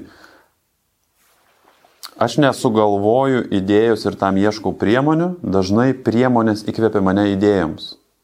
Ir kadangi man patinka technikos dalykai, yeah. aš niekada neplanavau būti fotografu, bet aš labai užsimaniau fotoaparatu. Ir aš nusipirkau kažkokį geresnį DSLR ir tai mhm. mane įkvėpė pradėti bandyti fotkinti ir dar kažką. Nieko profesionalaus aš nedariau, bet aš pradėjau domėtis tas rytim, nes aš nusipirkau fotiką. Man iš techninės pusės labai buvo faina okay. ir įdomu. Ir aš dirbu savo tą tuo metu jau kaip ir monotoniškus tos užsakymus, viskas kaip ir gerai važiuojasi ir mano žmona yra vestuvių planuotoja ir aš pradedu pažinoti e, vestuvių fotografijos lauką. Iki tol aš žinojau e, fotografus, šiaip turėjau savo draugų rate nemažai, dirbančių profesionaliai ir taip toliau, aš matydavau, ką jie daro, kokie jų darbai. Ir aš tada pradėjau matyti iš Viktorijos pusės vestuvių fotografus. Ir aš taip mhm. kažkaip sulyginau ir galvoju, tai kad tai, ką daro visų fotografus, iš viso yra, nu, mizeris. Nu, prasme, čia yra labai lengva padaryti. Aš, nebūdamas fotografu, o tik mėgėjų turėdamas kamerą, galėčiau tai padaryti. Mhm. Gyvenime neturėjęs nei vienos profesionalios fotosesijos, nieko. Ir aš atsimenu, aš jau buvau toj tokioj truputį bendruomeniai tų ten tokių 3D menininkų ir taip toliau, jau nes kūriau vizualizacijas ir kažką ten bandžiausi ir taip toliau ir panašiai. Ir aš jau tiem žmonėm pasakiau, aš manau, aš baigiu šitą sritį, aš būsiu fotografas. Ir jie kaip ir su architektūra sakė, nebūk durnas, nu sen, fotografas, tu žinai, kiek tu turi čia maždaug. Ir taip pasakė, apšyk žolės, kad tu galėtum galiausiai gauti užsakymus ir dirbti ir taip toliau ir panašiai. Aš sakiau, silence. ir e, visiškai avantūristiškai, taip. Ten buvo didžiausia mano avantūra. Ta prasme, kur aš... Ir tada aš galvoju, tai vestuvių fotografai, mane labai sustimuliavo pinigai. Ir aš okay. galvoju, viena diena užsakymas, 3000 ten litų tuo metu įkrenta tau į sąskaitą. o jie daro nieką, mano Aha. supratimu. Bet tu įskaitėjai tai, kad reikia tas nuotraukas ne tik nufotografuoti, Ne, tai bet be abejo, be abejo, bet man tai atrodė faina, nu eini vieną dieną pafotkini, gauni 3000 litų, sutvarkytas nuotraukas atiduodi, nėra kažkokių pastovių užsakymų, deadline'ų ten ar dar kažko tai to. Okay. Ir viskas ir aš Viktorijai tada pasakiau, sakau, žiūrėk, aš noriu fotkinti vestuvės, davai gauk man. Ir jinai sako, gerai. Ne, neparodė tai bišiai, kad... Ne, nu ką, aš turėjau labai stiprų užnugarį visada. Aš kai buvau architektu, visi sakė iki vieno ne, nemesk. Viktorija sako, jo, mesk, daryk, ką nori. Okay. Aš dirbu darbą, jau viskas gerai einasi, aš sakau, aš viską metu, aš būsiu fotografas. Gerai, būk. Kuom galėsiu, tom padėsiu. Tai va, manau, kad irgi vėl tos pačios aplinkybės, kas man gyvenime buvo labai stiprus stimulas, manęs tėvai ir niekas kitas ir jokie draugai gyvenime taip nepalaikė kaip Viktorija. Okay. Tai man tas, žinai, tu kai čia galvoji, kad šoksi ir nerimauji, bet šalia tau stovi tavo pats mylimiausias žmogus ir sako, jo, viskas bus ok, daryk. Ir tas labai, žinai, tau suteikia mm. tos drąsos. Tai ir aš tada atsimenu, sakau, aš noriu fotkinti vestuvės, gerai, sako, aš tau gausiu vestuvės.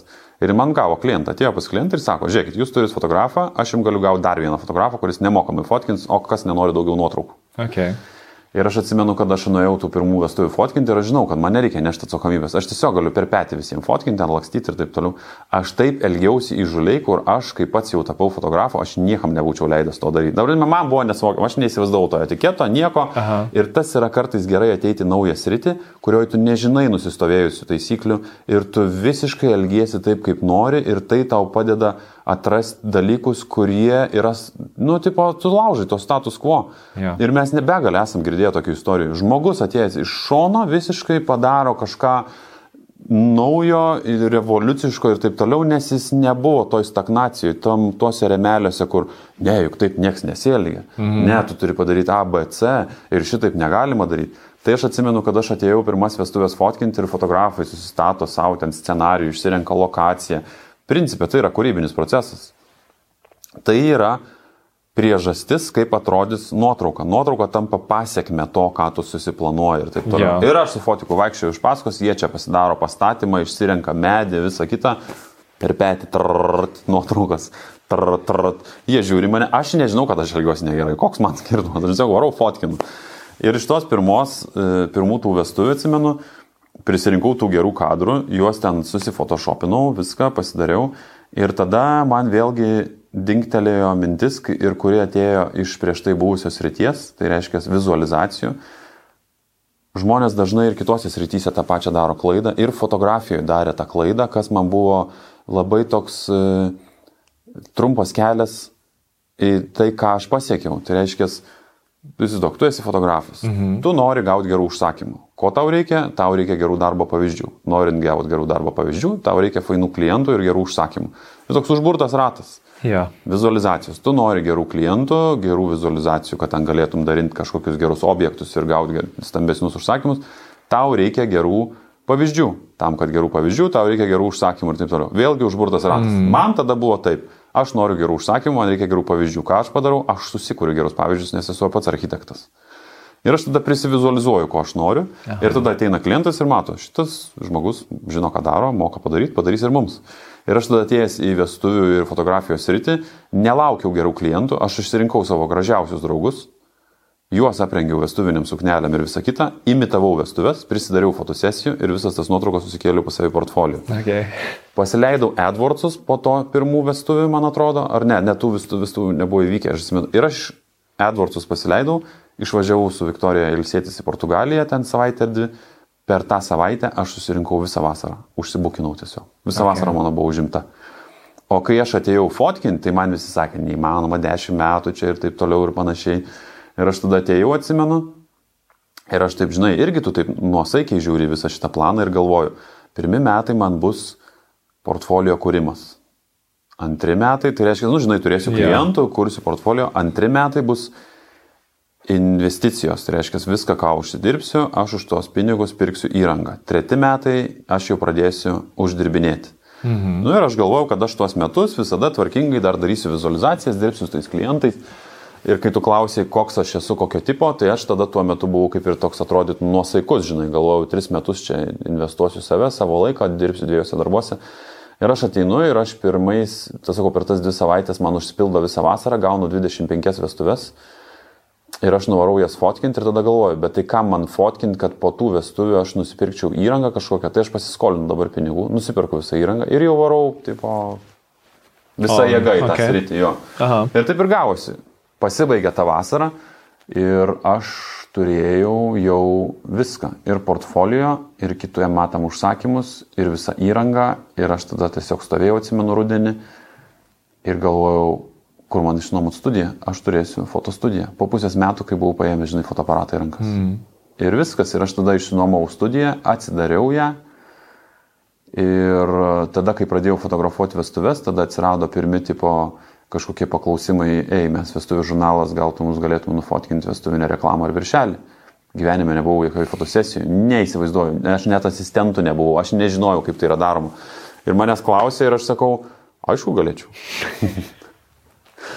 ir čia, ta, žinai, kur save įmeti į vandenį ir tam stresinį situacijų, tu tiesiog, aš galvoju, o, o kiek gali būti, o kas sudėtingo, tipo. Taigi mes visi logiškai mastom, nu tai pastatai žmogų fotkintis, nėra šviesos, nu tai aš pastatysiu šią šviesą, Yeah. periški šviesą pamažinsiu. Ir taip toliau ir panašiai. Aš estetinį suvokimą turėjau, nes aš visą gyvenimą dirbau su kūrybiniais dalykais, turėjau draugų fotografų, aš žinojau, kaip, kaip turi atrodyti padori nuotrauka. Mhm. Ir kai mane, aš atsimenu, pakvietė daryti tą pirmąjį viršelį gyvenime, tai buvo fotografavau Nataliją Zvonkę, Bunkę ir kažką ir ten tipo atėjau, tai aš žinojau, kad mano kozeris yra namų darbų pasidarimas. Atvažiuoju į lokaciją, susižiūriu, kur aš ką fotografuosiu, reikia penkių kadrų, tai vieną čia žinau, ką darysiu ir tada susivizualizuoju, galvoju, kaip tai maždaug, in taip sėdės, in tą darys, in tą bus apsirengus, aš iš čia pašviesiu, nu tu tą visą vaizdą susidarai, moodboardą galvoju. Aha. Ir viskas, ir atvažiuoja, atsisėda, aš pasistatau lempą, tą, tą, tą, čia pasibandau, viskas ok gaunasi, vienas kadras, antras, trečias. Ir galiausiai buvo pirmoji fotosesija. Ir tada buvo antra fotosesija, trečia. Ir aš atsimenu, kad po metų, kai aš buvau atsidaręs tas, jau po metų fotkinimo, man atrodo, metai gal buvo praėję 2012. Atvirų durų dienos pas mane studijoje, projektas, fotosesija, toks tipo bairis ir tas projektas tampa visiškai viralu. Aha. Ir viskas, ir tada gimsta tas, tada CERN. Ir visi tie eksperimentavimai toliau besitęsintis. Tai va. Tai su fotografija tau žodžiu, nu, iš esmės, one, e, ta, na, overnight success story buvo, vienos nakties sėkmės istorija. tai priklausomai, aišku, nuo to, ką mes laikysim tą sėkmės istoriją. Aš tikrai netavau pasaulinio lygio kažkokiu fotografu, neužkariavau pasaulio ir neėjau į fotografijos istoriją kaip kažkoks tai e, žinomas ten kuriejas ar kažkas tai mhm. tokio panašaus. Tai tikrai savęs tokio neskaitau. Bet e, mano asmeniniai gyvenimo istorijoje visai buvo fainas nuotykis ir savo gyvenimo legendą aš tą gyvenu ir, ir gavau tos 15 minučių šlovės ir, ir didžiausi leidiniai, ir interviu, ir kelionės, ir, ir, ir pinigai, ir taip toliau ir panašiai. Mm. Nekalbu aš vėlgi ten apie pinigus, už kuriuos tu namus perki ar dar kažką. Aš kalbu kaip paprastas žmogus apie dalykus, kurie tau nekelia streso ir tu gali išgyventi. 1000, 2, 3, 5 atlyginimas tau galimas, žinai, ir taip toliau ir panašiai. Mm. Tai, nu, va, tas man susikūrė, man faina buvo. Ir tada jau, žinai, ir tą tokį kaip ir ego pakutena, išeini jau gatvėje tave, jau kaip ir ten nueini į barą, jau žino, mm. o mačiau, čia tu tas ir anas. Ir visai smagiai pradėjo rutuliotis viskas. O, nu, tu, tu pasidalinai, žinai, dabar savo istoriją, aš taip galvoju apie visus tos žmonės, kurie galbūt svajoja tapti, žinai, vestuvių fotografais arba bendrai kažkokios ryties fotografais. Kas išskiria gerą fotografą ar fotografą, nežinau kaip čia dabar teisingai skaičiuoti, iš nuo, nuo blogo, sakykim. Ar, ar tai yra, nes tu, nu, tu neturėjai fotografijos įgūdžių ir tu minėjai, kad tai tikriausiai ir buvo vienas iš, netgi, netgi tai, kad tu nežinojai, kaip teisingai elgtis per vestuvės, tai buvo vienas iš tokių pranašumų. Tai. Kas, kas dar, aš tiesiog galvoju, vat, kaip, kaip tiem, kurie yra fotografijoje, bet nėra sėkmingi, ką jie gali iš tavęs pasimokyti. E, istorija parsiduoda ir tą irgi puikiai žinai. Mhm. Story sells, kaip ten sakosi, žinai. Taip. Tai e, ir tam yra turbūt įvairių formų. Principė, aš, kodėl atėjau į tą sritį, tai aš pats nebūdamas fotografijos srity, vestuvinės fotografijos srity, aš negalėčiau tau pasakyti, ko reikia norint tapti geru pasaulinio lygio fotografu, menininku ar dar kažko, žinai. Mhm. Visur yra sėkmės faktorius, bet kas liečia komercinę fotografiją, tai principė yra marketingas ir strategija. Aš nebūdamas fotografu, pamatęs vestuvių fotografo nuotraukas, aš žinojau, kad aš tai padarysiu. Mhm. Nu tai, ką tai pasako, aš, ne, aš neskaitau savęs super talentų kažkokiu tai. Tai be abejo, reikia bazinių žinių, viso kito, bet e, jeigu žmogus, kuris net buvęs toje srityje ateina ir jo gali kažką nuveikti, ką tai pasako apie sritį, žinai. Tai principė, aš manau, kas mane ten pardavė ir taip toliau, tai ta mini tokia strategija, supranti. Susikurti portfolio, pasidaryti reklamą, susistrateguoti šituos dalykus. Mhm. E, kokybiškas paslaugų teikimas, bendravimas su klientu, e, rekomendacijos ir taip toliau ir panašiai.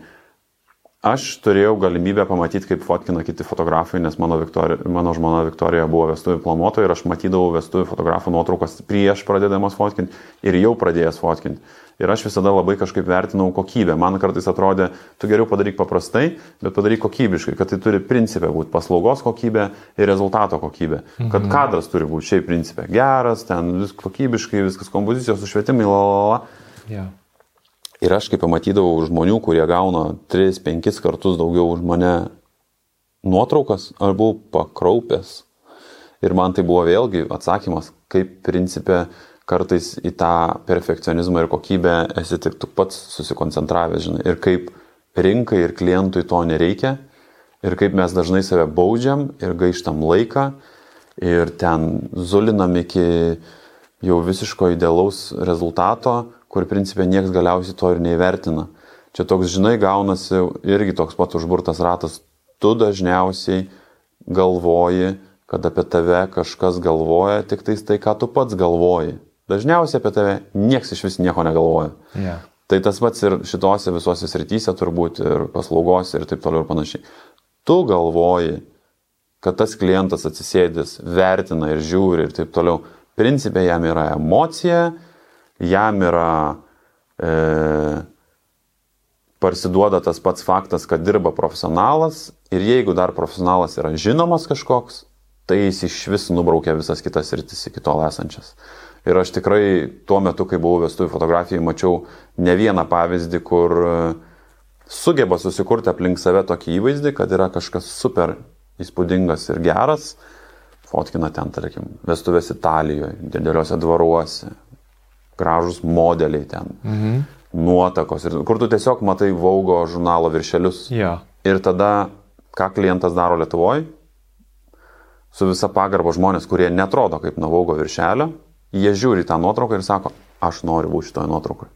Jis galvoja, kad jeigu jis ateina pas šitą fotografą, jis bus taip pat. Aha. Ir jis tą sekundę save taip mato. Jis dalyvauja toj pelenės istorijoje, supranti. Ir tai yra viskas, ko užtenka tu gali visiškai, ir aš mačiau visišką marmalą padaromą su reportažinė fotografija, kur ten va taip, va, kompozicijos galvos nukirstus plaukia, mm. ten išsilieja kadrai, pastatyminės ir būna tikrai, kur fotografas atidirba darbą nuvažiavęs į Italiją, sukuria Vaugo viršelį, įsideda pas save į portfolio, visi alpsta ir nori taip pat nusifotkinti, jis atvažiuoja Lietuvoje į paprastas vesuves ir net nesistengia nieko padaryti, nes ten Vaugo nesukursi. Bet tiem žmonėm pats žinojimas, kad šitas fotografas va, yra tas, Tai yra the one, kuris fotkina Vaugo viršelius, dabar fotkina mane, jis viską atleidžia jam. Nu tai žinai, ir, ir čia yra fotografija, ir, ir tai yra visur kitur, kitose mm. rytise turbūt lygiai taip pat, žinai. E, tai ir ką, ką, ką, ką tai sako, žinai, kad kas yra tada svarbiausias dalykas. Aš lietuviškai nežinau šito e, žodžio, bet angliškai naudojamas yra cloud. Jeigu tu turi cloud apie save susikūręs, kur tu esi tam hype, Aha. tai labai dažnai žmonės tave dėl to tik ir perka, žinai. Tai aš jeigu eičiau į kažkokią sritį ar šiandien norėčiau vėl grįžti į vestuvę, man reikėtų viską nuo nulio pradėti, žinai, tai jo, tai yra įvaizdžio formavimas savo. Nu, tu turi būti žvaigždė toj srity. Okay. Ir ypač šiandien tas yra aktualu. Tai kokią sritį be paimsim. Jeigu tu esi socialiniuose tinkluose žvaigždė ar dar kažkur, jeigu tu esi žinomas, jeigu tu esi tas, kuris, jeigu dirbsi ir, pavyzdžiui, aš esu jaunikis ir jaunoji, aš pasisamdžiau kažkokią tai paslaugą, atlikėją, fotografą ar dar kažką, vyrėją ir mano svečiai atėję sako, o oh my god, pasyčia šitas. Aha. man už tai verta mokėti pridėtinę Jo, vertę, jo. supranti. Tai va į tai labai verta investuoti. Jeigu tavo tikslas yra uždirbti, dirbti toj srity ir taip toliau ir panašiai. Okay. Kaip tavo paties šiaip asmenybė keitėsi vat, per šitą, nes čia toks nu, įdomus, aš įsivaizduoju, etapas, kur tu nu, kaip ir sulauki to pripažinimo ir taip savotiškai, nu, nesitikras, ar yra dėl ko, nes tu nesi kažkoks super Taip. profesionalus fotografas, tu supranti, kad ir tu kaip ir pats tą įvaizdį savo formuoji, tu, nu, kaip ir sakė, istoriją tam tikrą kuri. O kaip tu viduje jautėsi, nes tu esi jau minėjęs, kad ego yra tai, žinai, kas tikrai varo ir čia, aišku, nieko nepaslaptis, visus tai yra varanti jėga. Ar tu nesusirgai, žinai, ta žvaigždžių lyga, ar nebuvo tokių...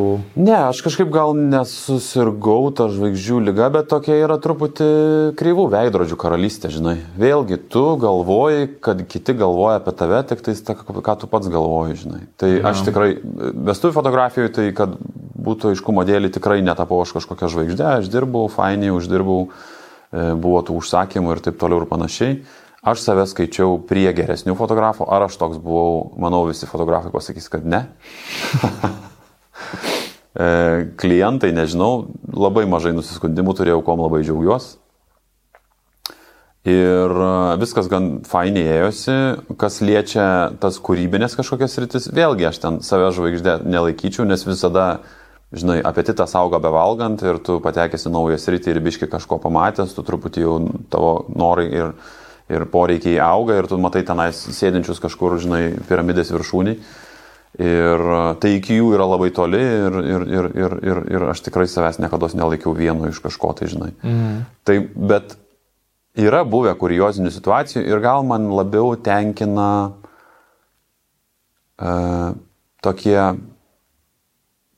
empirinės ir pragmatiškos patirtis, kas mm. man labai faina yra. Ir kodėl aš, pavyzdžiui, norėčiau būti super turtingas žmogus ne dėl to, kad aš galėčiau parodyti, kad esu super turtingas žmogus, bet dėl to, kad man tai atvertų daug galimybių ir suteiktų didelį patogumą tam tikrose gyvenimo situacijose, žinai. Tai tam tikras žinomumas tam padėjo. Ir pavyzdžiui, aš sakau, aš nesu žvaigždė, nesu dar kažkas, bet kūrybiniai srity, nu daugiau mažiau mane žino, pavyzdžiui, Lietuvoje. Mhm. Ir tas atidaro daug durų. Okay. Su manim kitai bendrauja, kai mane užsakinėja, aš gaunu užsakymų kartais nedėdamas visiškai jokių pastangų. E, Kai aš darau užsakymą, žmonės kitaip tave vertina, nes galvoja, kad dirba su gan žinomu kažkokiu kurieju, dėl to labiau pasitikė tavo nuomonė, dėl to tavo žodis yra svaresnis, dėl to tu nebesi dekoratorius, o esi kuriejas, nors kartais, kai aš kuriu ir padarau kažką, aš kartais galvoju, kad aš tiesiog dekoratorius darbą atlikau. Nes aš einu į komercinę sritį kaip kuriejas, žinai. Tai, nu, tų laisvių tokių sukuria. Bet esu buvęs, esu buvęs visiškai situacijose, kur scenarius panašus į visiškai roko žvaigždės gyvenimą. Kur, nu, kaip pavyzdys, tarkim, e, kai padariau blaudžiobą ir mane pasamdė e, Brazilijoje reklaminę kampaniją sukurti. Mhm. Kaip dirba reklaminės kompanijos? Tokiu pat principu, kaip ir pasakojau. Reikia to įvaizdžio ir to klauto. Tai ką jie daro? Kai tu dirbi su savo klientu, ten buvo Samsungo, Brazilijos kompanijos tipo e, šalies kampanija, naujo kažkokio telefono pristatymas ar kažkas tai tokio. Didelė kampanija, visą šalį apimanti. Okay. Ir tu esi reklamos agentūra. Ką tu darai? Tu nori parduoti kažką ypatingo. Kaip tu parduoti kažką ypatingo? Papasakodamas ypatingą istoriją. Tai tu net pats galbūt jie netiki, bet tau reikia ateini ir sakai, mes dabar jums duosim tai, ko niekas nėra davę ir ko nesam darę ir taip toliau. Ir tuo tampu aš. Tai reiškia, apie mane rašo tuo metu labai daug, daug leidinių. Aha. E, Aš turiu leidinių portfolio, taip sakant, tokį užnugarį. Yra visiškai kitam pasauliu, tiesiog kitam pasauliu vykstantis gyvenimas. Tai reiškia, Brazilija, kuri nieko bendro neturi su Europą ir taip toliau ir panašiai, bet jie sako savo klientui, mes jums atgabensim labai Europoje žinomą šiuo metu fotografą, tada CERN ir va jums įrodymas, išskleidžia ten daug leidinių turbūt, parodo reklamų ir dar kažko, ko aš esu padaręs. Ir jie mane atsigabena. Ir aš patenku į visiškai utopinį pasaulį. Aš nusileidžiu oro uoste, manęs laukia vairuotojai, asistentai, aš ateinu susitinku su aukšto lygio vadovais, jie su manim selfius darosi, nes galvoja, kad atvažiavo iš Europos žinomas kažkoks fotografas žvaigždė, nes jiems sukūrė tokį, tokį, tokį tipo, naratyvą sustatę. Ir viskas, ir aš atsimenu, kad ten nieko, va, va taip pasėdžiu. Studijoje. Aš fotografą taip pasėdžiu, viskas yra daroma, statoma, maistas nešiojamas ten, aš tik ten ten kažką kažkam pasakau, ten nueina ten žinia, jeigu aš ten noriu atsimenu parūkyti ir čia mano kuprinė padėta ir aš stojas prie kuprinės ir trys asistentai žiūri, į kurią pusę aš judu, artinuosi prie kuprinės, jie prie kuprinės, aš jau imsiu kuprinę, jie paima kuprinę, man pakelia, paduoda ten. nu, va tokiam ligmenį viskas vyko. Tai Tai faina tą išgyventi. Mm. Ar tai yra mano gyvenimo sėkmybė, nėra, bet aš tą atsimenu kaip nuotykį, žinai. Yeah. Ir aš nesu tokio lygio žvaigždė, kad su manim taip elgtųsi. Bet kažkur va tokiam paraleliniam pasauliu taip susidėlioja aplinkybės, kad tu gauni tai patirdžinai. Mm -hmm. Tai, tai va, tai va, tai tas žinomumas man yra, sakau, smagus ir, ir, ir, ir geras dėl to, kad e, daugiau tų laisvių, žinai, ir daugiau komforto kažkokio, vėlgi tie patys pinigai Gera būtų turėti pinigų, ne dėl to, kad turėti, aš tikrai mm. nuoširdžiai nenorėčiau dasigyventi iki tokio lygio, kad didelis pinigų kiekis taptų problema. Pavydo, saugumo klausimas ir taip toliau ir panašiai. Aš norėčiau, kur būtų tiesiog, kad finansinė laisvė kažkokia, žinojimas, kad tu gali daryti tam tikrus dalykus. Pavyzdžiui, aš šiandien norėčiau galbūt pagyventi New York'e ir nedirbti, o studijuoti ką nors. Ir pinigai suteiktų tą galimybę. Jų neturėjimas man kaip ir tą kelią užkerta. Keliavimas, keliavimas visur su vaikais, pavyzdžiui. E, turėjimas, kas jais rūpinsis kelionių metu. Laisvė, laisvė, mm. faina. Tam reikia pinigų. Tai aš manau, kad čia yra toks kaip ir sveikas pinigų norėjimas, žinai. Mhm. Nes aš galiu iki visiško minimumo sumažinti, sakau, aš ne vienerius metus ten kokiam nors kemperėje gyvenu, visiškai minimalės išlaidas turėdamas ir, ir dar kažką. Tai, tai va, tai va. Kaip tu neužsiliuliuoji toje komforto zonai, nes, na, nu, žinai, jau ne pirmą kartą girdžiu tą istoriją, vat, buvo kaip už, architektūros užsakymus vykdė, net ten metus padarėjai ir, nu, pinigai geri, bet, nu, kažkaip jau biškai per didelis komfortas, ieškom kažko naujo, ateina fotografija, žinai, pradedi fot, ten fotografuoti. Kaip nutiko su fotografija? Vėl atėjo kažkoks tai, mhm. nu, komfortas ir sakai, ne, ne, kaž, kaž, kažkas ne taip ir vėl nauja pradžia. Jo, jo, jo, buvo tas pats. Aš nežinau, aš e, kažkaip manau, čia psichoterapijos klausimas ir aš tos dalykus gilinuosi ir dirbu su savimi ir su, su, su psichoterapeutė, tai visi mes turim problemų, aš turėjau irgi savų turbūt išgyvenimų, kas padėjo pagrindą šitam nepasitenkinimui, kažkokiam nuolatiniam siekiui ir negebėjimui, pavyzdžiui, išbūti kažkokioj tai srityje ilgą laiką, bet tuo pat metu, nu, nu, aš kažkaip gyvenimas man šventė yra. Mm. Nu, aš noriu gyventi smalsiai, tenkinti savo smalsumą. Ir sėdėjimas, prailgintą laiko kažkokį tai tarpą vienoje srityje ir vieno dalyko darimas, man, nu, man atrodo nesažininkas prieš patį save. Mhm. Kit, aš čia gal ne kodėl aš kažko negaliu padaryti. Man labiau klausimas, kaip kiti gali išbūti. Nusipranti. Yeah. Ir jie kažkaip, ir mano mama, pavyzdžiui, ir kiti iš aplinkui, jie žiūri iš šono ir sako, nu bet tu galvoji, kad čia viskas gyvenime turi būti lengva. O, o kodėl ne? Nu kodėl ne, pavyzdžiui? Nu, vad, kai mm. aš pabandysiu ir pamatysiu, kad nelengva ir būna, kai būna nelengva, bet tau sėdint vienoje vietoje irgi nelengva. Yeah. Ir taip aš susiduriu su sunkumais, bet tu irgi susiduri su sunkumais. Aš išeinu iš darbo, tave išmeta iš darbo. Nu, mes visi atsiduriam tokiose situacijose, žinai. Tai, e, tai man tiesiog, nu, aš esu kaip vaikas ir aš leidžiu savo elgtis kaip vaikui. Pabūnu vienoje srityje ir tada avantūristiškai einu į kitą. Ir ačiū Dievui, man iki šiol pavyko pragyventi ir aš sakau, nu, yra žmonės, kurie iš vis nieko neveikia ir išgyvena. Mhm. Tai aš bent veikiu, aš tiesiog neveikiu to paties. Tai nueinu į vieną sritį, būna sunkesnis laikotarpis, dar kažkas tai tokio kitą pakeičiu, dar kažką pabandau ir taip toliau ir panašiai. Tai aš jas tiesiog įtalioju, bet aš savo negaliu leisti prabangos nugyventi visą gyvenimą su gailėščiu, kad aš kažko nepabandžiau ar nepadariau, žinai. Vėlgi iki tam tikrų ribų. Aš norėčiau naujos moters. Nu, aš šitą neinu, suprantate. Mhm. Leidžiu savo turėti šeimą, gyventi, fainiai, tos kažkokius tai norus savo leidai, neleidai ar dar kažką, žinai, save priboji. Ja. Ir aš nesakau, kad aš čia norėčiau kažkokių tai, bet sakau, yra tam tikros ribos. Darbas ir veikla man yra tokia sritis, kur tu neturėtum labai ten savęs slopinti ir turėti kažkokiu tai kompromisu ar dar kažko. Mhm nori, eini, bandai, nusakau, tą savo kažkokią tai gyvenimo legendą nori, žinai, nugyventi prieš patį save ir kažko smagaus nuveikti. Tai tas pats buvo ir su fotografija irgi.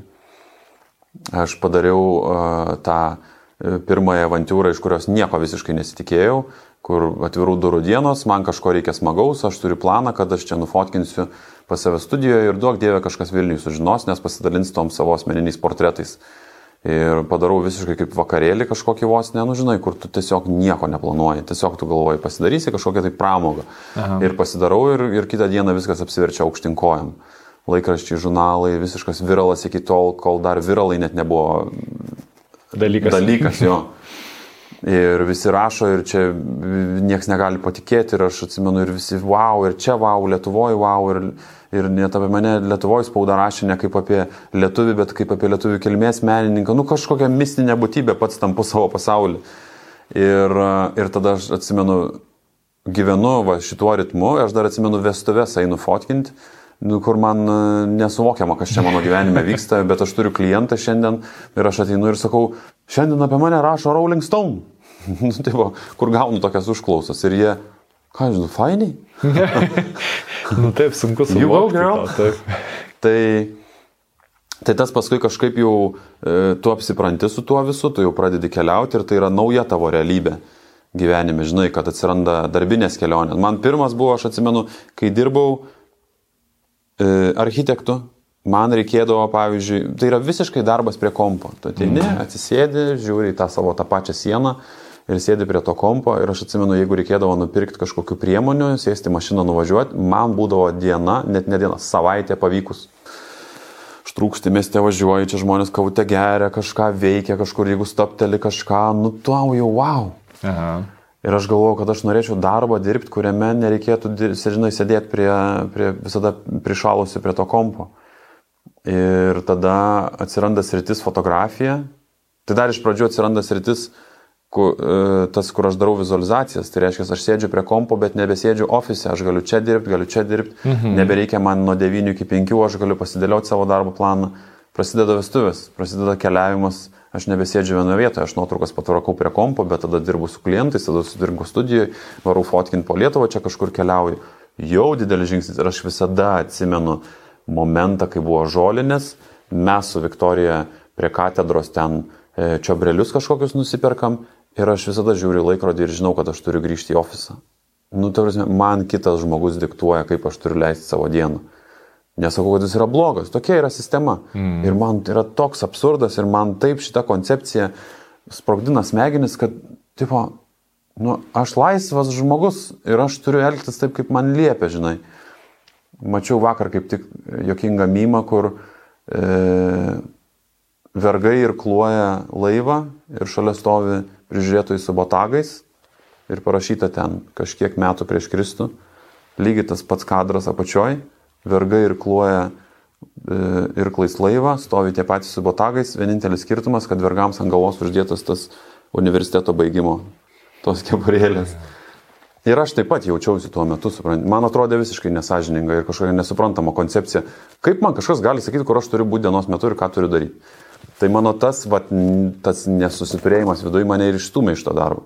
Ir tada sakau, aš pradedu keliauti po Lietuvą, fotkinu vestuvės Ir tada įvyksta šita avantūra su Blaudžiobu ir kitais projektais ir aš pradedu keliauti po pasaulį ir tai pasidaro visiškai nauja realybė, žinai, kur tau tiesiog įprasta yra gyventi ant kažkur viešbučiuose, pažindintis, užsienietiškai kalbėti ten užsienio kalbom, matyti skirtingas kultūras ir taip toliau ir panašiai.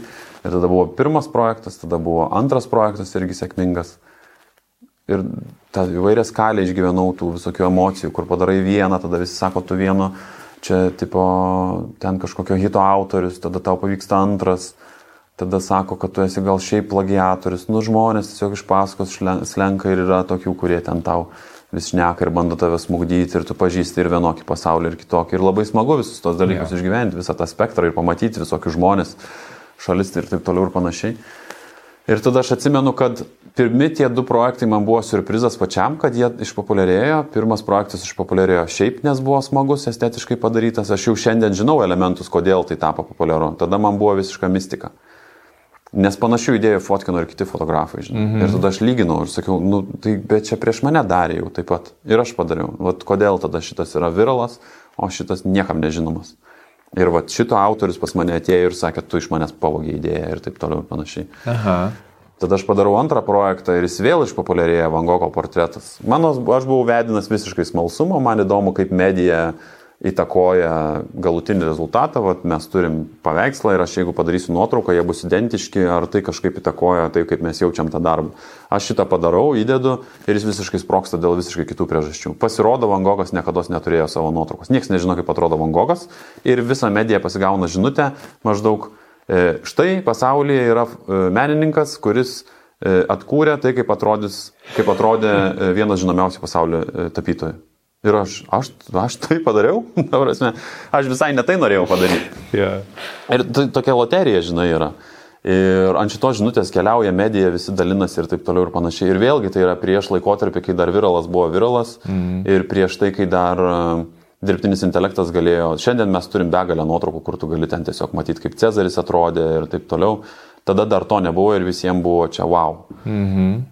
Ir aš tada atsimenu, praėjo pusę metų ir, ir, ir leidau laiką palangoj ir aš pamačiau žmonės ten esančius ir aš supratau, kad reikia paplūdimį sudokumentuoti tai, kas vyksta. Nu, kad tai yra toks man gražiausia gatvės fotografijos forma, kur tu nei patį objektą esi orientuotas, o tai kokias jis detalės turi, kaip jis atrodo, kokia mūsų vartojimo kultūra, ką mes turim, kaip, ką mes valgom, kaip, kaip elgiamės, kokius daiktus nešamės ir taip toliau ir panašiai.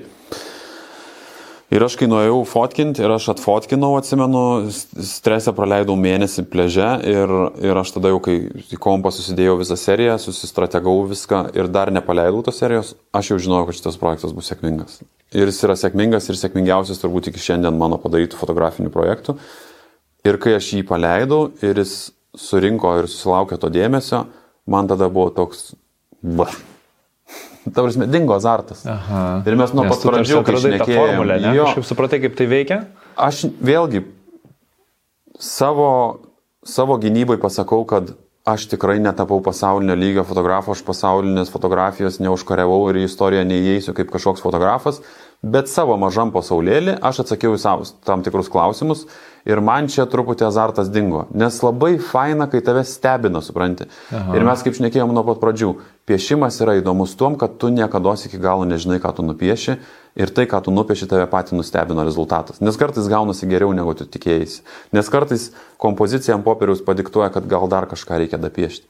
O gal pagalutinis pabaigtas piešinys tau sako, bet tu pabandyk va tą nupiešti. Ir tas nuolatinis dopamino lašinimas ir va tas atradimo jausmas yra labai mm. fainas. Ir kai aš padariau blaudžiobą, visiškai pasikeitė mano gyvenimą. Man buvo wow, ta prasme, nauji žmonės, naujas rytis, nauji užsakymai kažkokie tai. Žurnalai apie mane rašo, mane pažįsta, apsivertėjau visiškai mano yeah. pasaulis. Tada padarau aš antrą projektą. Wow, ta prasme, aš čia esu atradėjęs, dabar aš čia kažką atkūriau, kas čia niekas nežinojo, kaip atrodė ir taip toliau ir panašiai. Ir trečią jau paleidžiant, aš jau žinau, kad, nu, aš vis dar įbrisiu turbūt tą pačią upę, tai reiškia, vėl kažkas rašys, vėl intervas, Aha. vėl susidomėjimas, vėl kažkokia paroda. Ir jo labiau, kad manęs nenustebino, jog tai įvyko. Ir man toks, hmm, nu jo, okei. Okay. Ir lygiai grečiai aš ten keliauju, pradedu lankytis muziejuose ir man tas susidomėjimas vėl menu kažkaip grįžta, kuris buvo kurį laiką per visą šitą virimą įvairių sričių pasimiršęs. Ir aš pamatau, kas yra šio laikinis menas ir jom domėtis pradedu. Ir man tada pradeda užgimti azartas galbūt pabandyti ten kažką. Okay. Ir... Aš dar norėčiau pauzę truputėlį užspausti šitoje vietoje. Tu sakei, kad kai, kai darai blaudžiobą, ne, iš pradžių tu nežinojai, kodėl nu, jisai paėjo. Dabar tau tai. aišku, kodėl, kas ten buvo. Ir, nes turbūt kažką bendro turi šitas Vangogas ar ne visi trys projektai, kas vienyje. Tai be abejo, visų pirma, tai, e, ta prasme, jie yra truputį skirtingi ir aš paskui iš tų skirtingų sričių susirenku savo ir jau turiu tą galvoje mišrainę maždaug daugiau mažiau mhm. kitose srityse, žinai, ką daryti. Tai, pavyzdžiui, ir tos visos sritis man yra fainos, uh, Nes kaip ir šnekėjau, pavyzdžiui, ten, tarkim, architektūra, žinai, iš, iš, išmokė kažkokią ten, tarkim, planavimo, vizualizacijos, išmokė savo portfolio kūrimo ir apieimo tą sistemą, iššokimas į fotografiją, išmokė, kad tu neprivalai paklustom taisyklėm ten ir taip toliau ir panašiai, žinai, kad turi daug atidirbti, kad viskas, tu gali, žinai, laviruoti, žaisti, susikurti, tai suteikia tau drąsos ir tada prasideda estetiniai dalykai ir, pavyzdžiui, e, kai aš padarau blaudžiobą ir pamatau, kad jis kažkodėl dėl kažkokių priežasčių iškyla, visi kiti ne, tada pradedi analizuoti estetinius, žinai, sprendimus kažkokius. Tai visų pirma, jeigu taip visiškai detalės ir sausai nulupant visą tą darbą, Aha. tai ten parsiduoda tai, kad e, yra labai aiški žinutė, e, darbė tu matai tai, ką ir nori tau parodyti, be jokių užlankstimų ir be nieko kito.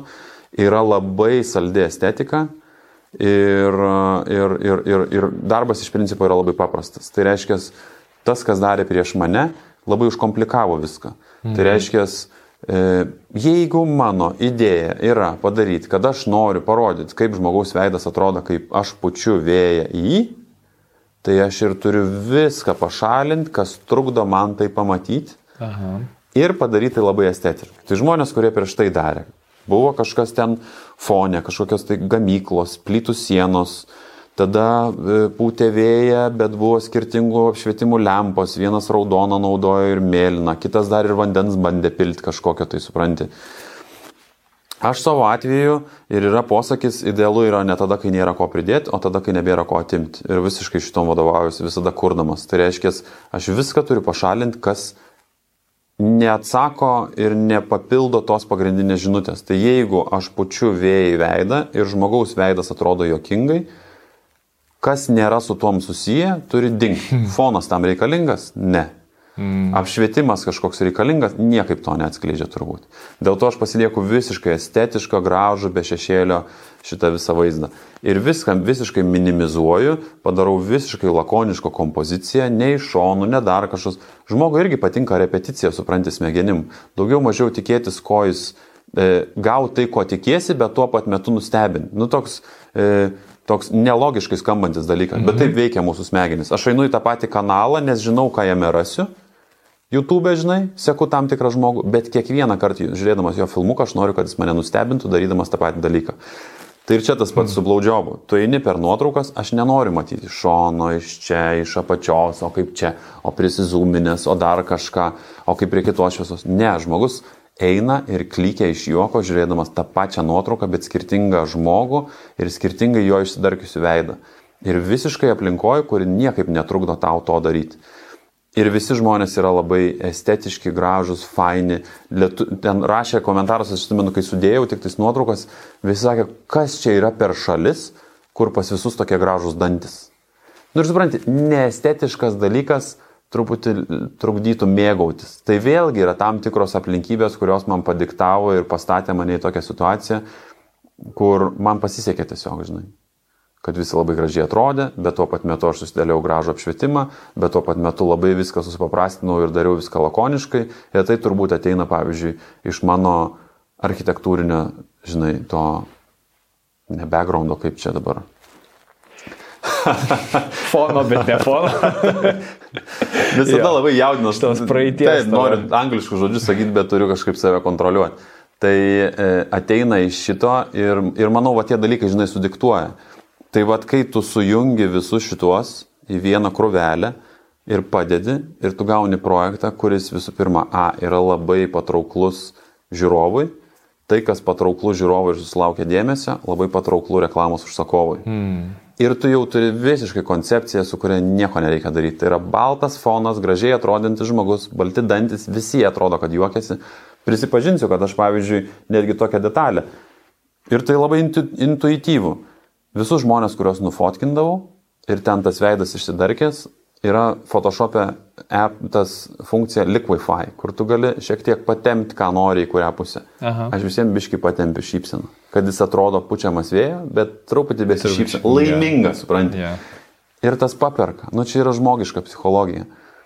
Ir kai tu visą tą susidėlioji, tu gali sakyti, blemba, bet kiek čia yra kintančių elementų ir strategijų, kad tu gautum tą pavykusi projektą, bet tuo pat metu tai yra daroma taip intuityviai, O tai yra daroma intuityviai dėl to, kad tu prieš tai daug sričių turėjai ir žaidėjai, ir bandėjai, ir domėjai, ir žmogaus psichologija, ir estetika, ir architektūra, ir lakoniškumų, ir pateikimų, ir taip toliau ir panašiai. Ir tuo pat metu tu gali sakyti, bet kas galėjo tą padaryti, bet tu padarai taip, kaip padarai, dėl to, kad tu išgyvenai kažką, tai, ką tu mm. išgyvenai ir leidai savo eksperimentuoti ir visokias kitas rytis daryti. Tas pats buvo ir su Van Gogu irgi. Buvo super lakoniškai viskas padaryta, jokių papildomų idėjų, ten kažko nepridaryta, supranti. Aš galėjau paimti Van Gogą, bet tada sukerkti dvi skirtingas rytis ir ten kažkur jį padaryti Van Gogą, mokslininką, kuris ten sėdi, ten laboratorijoje arba sklendžia virš mūsų kosmose tarptautiniai kosminiai stotį, sėdi Van Gogą, nu žinai, vad kas nors yeah. tokio galėjo pasidaryti. Bet man buvo įdomu lakoniškai, monotoniškai padaryti, kaip atrodo vat, du viens šalia kito. Ir visiems tas sukoreliavo. Tas pats buvo ir su komforto zona. Aš atėjau ir labai, manau, vėlgi architektūrai takojo. Mano projektas buvo padaryti kaip žmonės elgesi pleže, kokia yra mūsų bendra kolektyvinė kultūra, kas mes per padarai. Ir jeigu aš būčiau ateivis ir atskrendu ir vartau tipologinę knygą, ką žmonės kur daro, aš taip tikėčiausi atrodančios iliustracijos. Ir aš tą norėjau padaryti. Aš žmonėm norėjau parodyti iš šono, kaip mes atrodom kažkam žiūrintėm iš šono. Ir tai reiškia, kad aš turėjau atsikratyti daugelio elementų, kurie vėlgi atrodytų E, intuityvus, bet tuo pat metu be jų projektas kitaip būtų atrodęs. Tai reiškia, visų pirma, aš iškart nusprendžiau, kad aš, pavyzdžiui, fotografuosiu žmonės tik tais miegančius ir tik tais uždengtais veidais. Nes aš žinojau, kad aš jeigu rodysiu nuotraukas ir tu matysi atpažįstamą veidą, nu, ta prasme, e, hipotetiškai atpažįstamą. Tu ten Aha. galbūt nepažinosi, bet tu vis tiek matysi, tai gali atsirasti toks empatijos ir nepatogumo jausmas žiūrėti svetimo kažkokį tai privatų gyvenimą. Tai reiškia, nuo pat pradžių žinojau, kad estetiškai gražu atrodys mėgantis, uždengtų veidų žmogus. Ir tas pasiteisina. Ir plus paskui tai mane išsuka nuo teisinių kažkokių nesusipratimų. Mhm. Nes kažkas būtų galėjęs ateiti ir sakyti, aš nenoriu būti šito nuotrauko, tu neturi teisės, aš save atpažįstu, man dėl to gėda ir kiltų dėl to konfliktų. Šiandien niekas savęs ten negali atpažinti. Gali tik žmogus išėjęs sakyti, čia esu aš, nes aš atpažįstu save, aš nenoriu būti, nes kiti atpažins mane ir jie atpažįsta dėl to, kad aš ką tik pasakiau, jog čia esu. Nu, toks, žinai, yeah. nesusipratimas būtų. Tai va, tai, tai ir tada, kai šitą projektą pamačiau ir sakau, jau jį kai dariau, tai jau vadovavausi tom estetikos tokiam. Pirmi projektai buvo labiau tokie nesąmoningi, tolimesni tokie labiau sąmoningi. Ir šiandien, pavyzdžiui, kai dirbu su projektais ir jeigu pas mane ateina klientas e, ir aš tikrai su jais dirbu ir man yra faina, pavyzdžiui, komerciniai, žinai, kažkokie užsakymai, tai ir jis sako, mes turim produktą A, mums reikia, vat, norim kažkokio bendradarbiavimo su menu, bet mums reikia, kad tai būtų patrauklu, nu vis tiek komerciškai mm. ten ir taip toliau ir panašiai. Tai turi iš įvairių pusių apeiti prie viso šito reikalo. Vien jau, kad tai yra vertybė, kaip mes turim komunikuoti visą šitą reikalą, kaip rodyti jūsų verslą kaip atsakingą, dirbantį su kultūra ir taip toliau ir panašiai. Bet tuo pat metu mano tikslas yra padaryti taip, kad atėjęs žmogus norėtų tuo projektu dalintis, tuo pat metu skleisdamas žinutę, pavyzdžiui, ir ne tokia kažkokia tai įkyrė ten, tarkim, žinai, nes, tarkim, aš dirbau su vienu prekiniu ženklu, kur, sakom, padarom instaliaciją, mes prie instaliacijos padedam ten vat, savo produktą, žinai, ir tada žmogus ateina apžiūri instaliaciją, bet tada ir pamato produktą. Ir aš sakau, žiūrėkit, daug vertingiau bus, jeigu jūs produkto nededat, produktą jie visada pamatys. Bet jie įeidami pamato, šitą projektą remia ir čia atvežė ABC ir tai sukuria daug didesnę pridėtinę vertę, žmogui netrodo, kad produktas yra grūdamas ir jie nesijaučia, kad jie dalyvauja reklamoje. Jie dalyvauja patirtyje kažkokioj malonioj kultūriniai ir jie jaučia pagarbą tam, kuris čia atvežė. Tu kuri savo ilgalaikį, pavyzdžiui, prekinio ženklo įvaizdį, kas yra vertybė. Ir galtinė variantė viskas ir išsirodojo kaip fainas dalykas. Jeigu tu tai nepadarai instaliaciją, kurioje kaba telefonas ar stovi ten kažkoks automobilis ar dar kažkas tai tokio, apie tave nerašo jokie leidiniai, nes jie tai priima kaip reklamą yeah. ir niekam nėra įdomu. Tai, nu, ir tų va įvairių dalykų strategavimas yra iš tikrųjų irgi kaip ir mano iš tokių užduočių, žinai. Ir aš šiandien, pavyzdžiui, kaip buvo projektai, kaip laudžiobas ir taip toliau, tas pamokas išmoktas tu vėlgi dėlioji. Nori, kad tas projektas būtų patrauklus, mhm. kad jis plistų, kad žmogus jaustųsi gerai, kad jis jo norėtų dalintis kaip veikia vėl psichologiniai dalykai, kaip tas šypsenos pakelimas ar dar kažkas tai tokio. Tai tose instaliacijose, kuriuose darau, jie irgi žaidžia ir viena iš priežasčių, kodėl tie projektai keliauja ir mano mastelėje yra gan nu, populiarūs. Nu, šiandien yra ir, ir, ir, ir, ir Kinijoje, ir, ir Vokietijoje, ir, ir, ir Junktinėse Amerikos valstijose. Kažkur vis tiek kažkas vyksta, kažkur kažkas yra rodoma, kažkas kažkur kažką nori daryti ir taip toliau ir panašiai. Man tai yra sėkmė, man fain, mano poreikiai yra minimalus, mhm. man jiems patenkinti užtenka va, to, ką aš darau. Ir, ir, ir, ir manau, kad tai yra pasiekmė tų strategavimų visokių, žinai. Kaip tu sugalvojai į būtent tą sritį eiti, į tas instaliacijas? Jo visiškai, ta prasme, tai yra, nu, toks tu pasiduodi tam žaidimui, kaip sėdėjimas e, prie stalo ir piešiant. Mhm. Pasiemus, tu, tu žinai, kad nori piešti, tu nežinai, ką nori piešti. Vaikystėje man tai būdavo pati sunkiausia tema, kur ateini, žinai, tau mokytojas sako, dabar mes piešim vasaros atostogas, dabar mes piešim ten e, povandeninį pasaulį. Nu ir tu ten savo fantazuoji. Košmaras būdavo, kai ateina, laisva tema, pieškit, ką norit. Af, af, oh. Nes tu jauti ir atsakomybę, nu tu turi kažką faino nupiešti, dar tavo draugai yra, kurie gerai piešia, ką jie sugalvos, kaip tu čia, nu ir toks, žinai, viralas galvoj.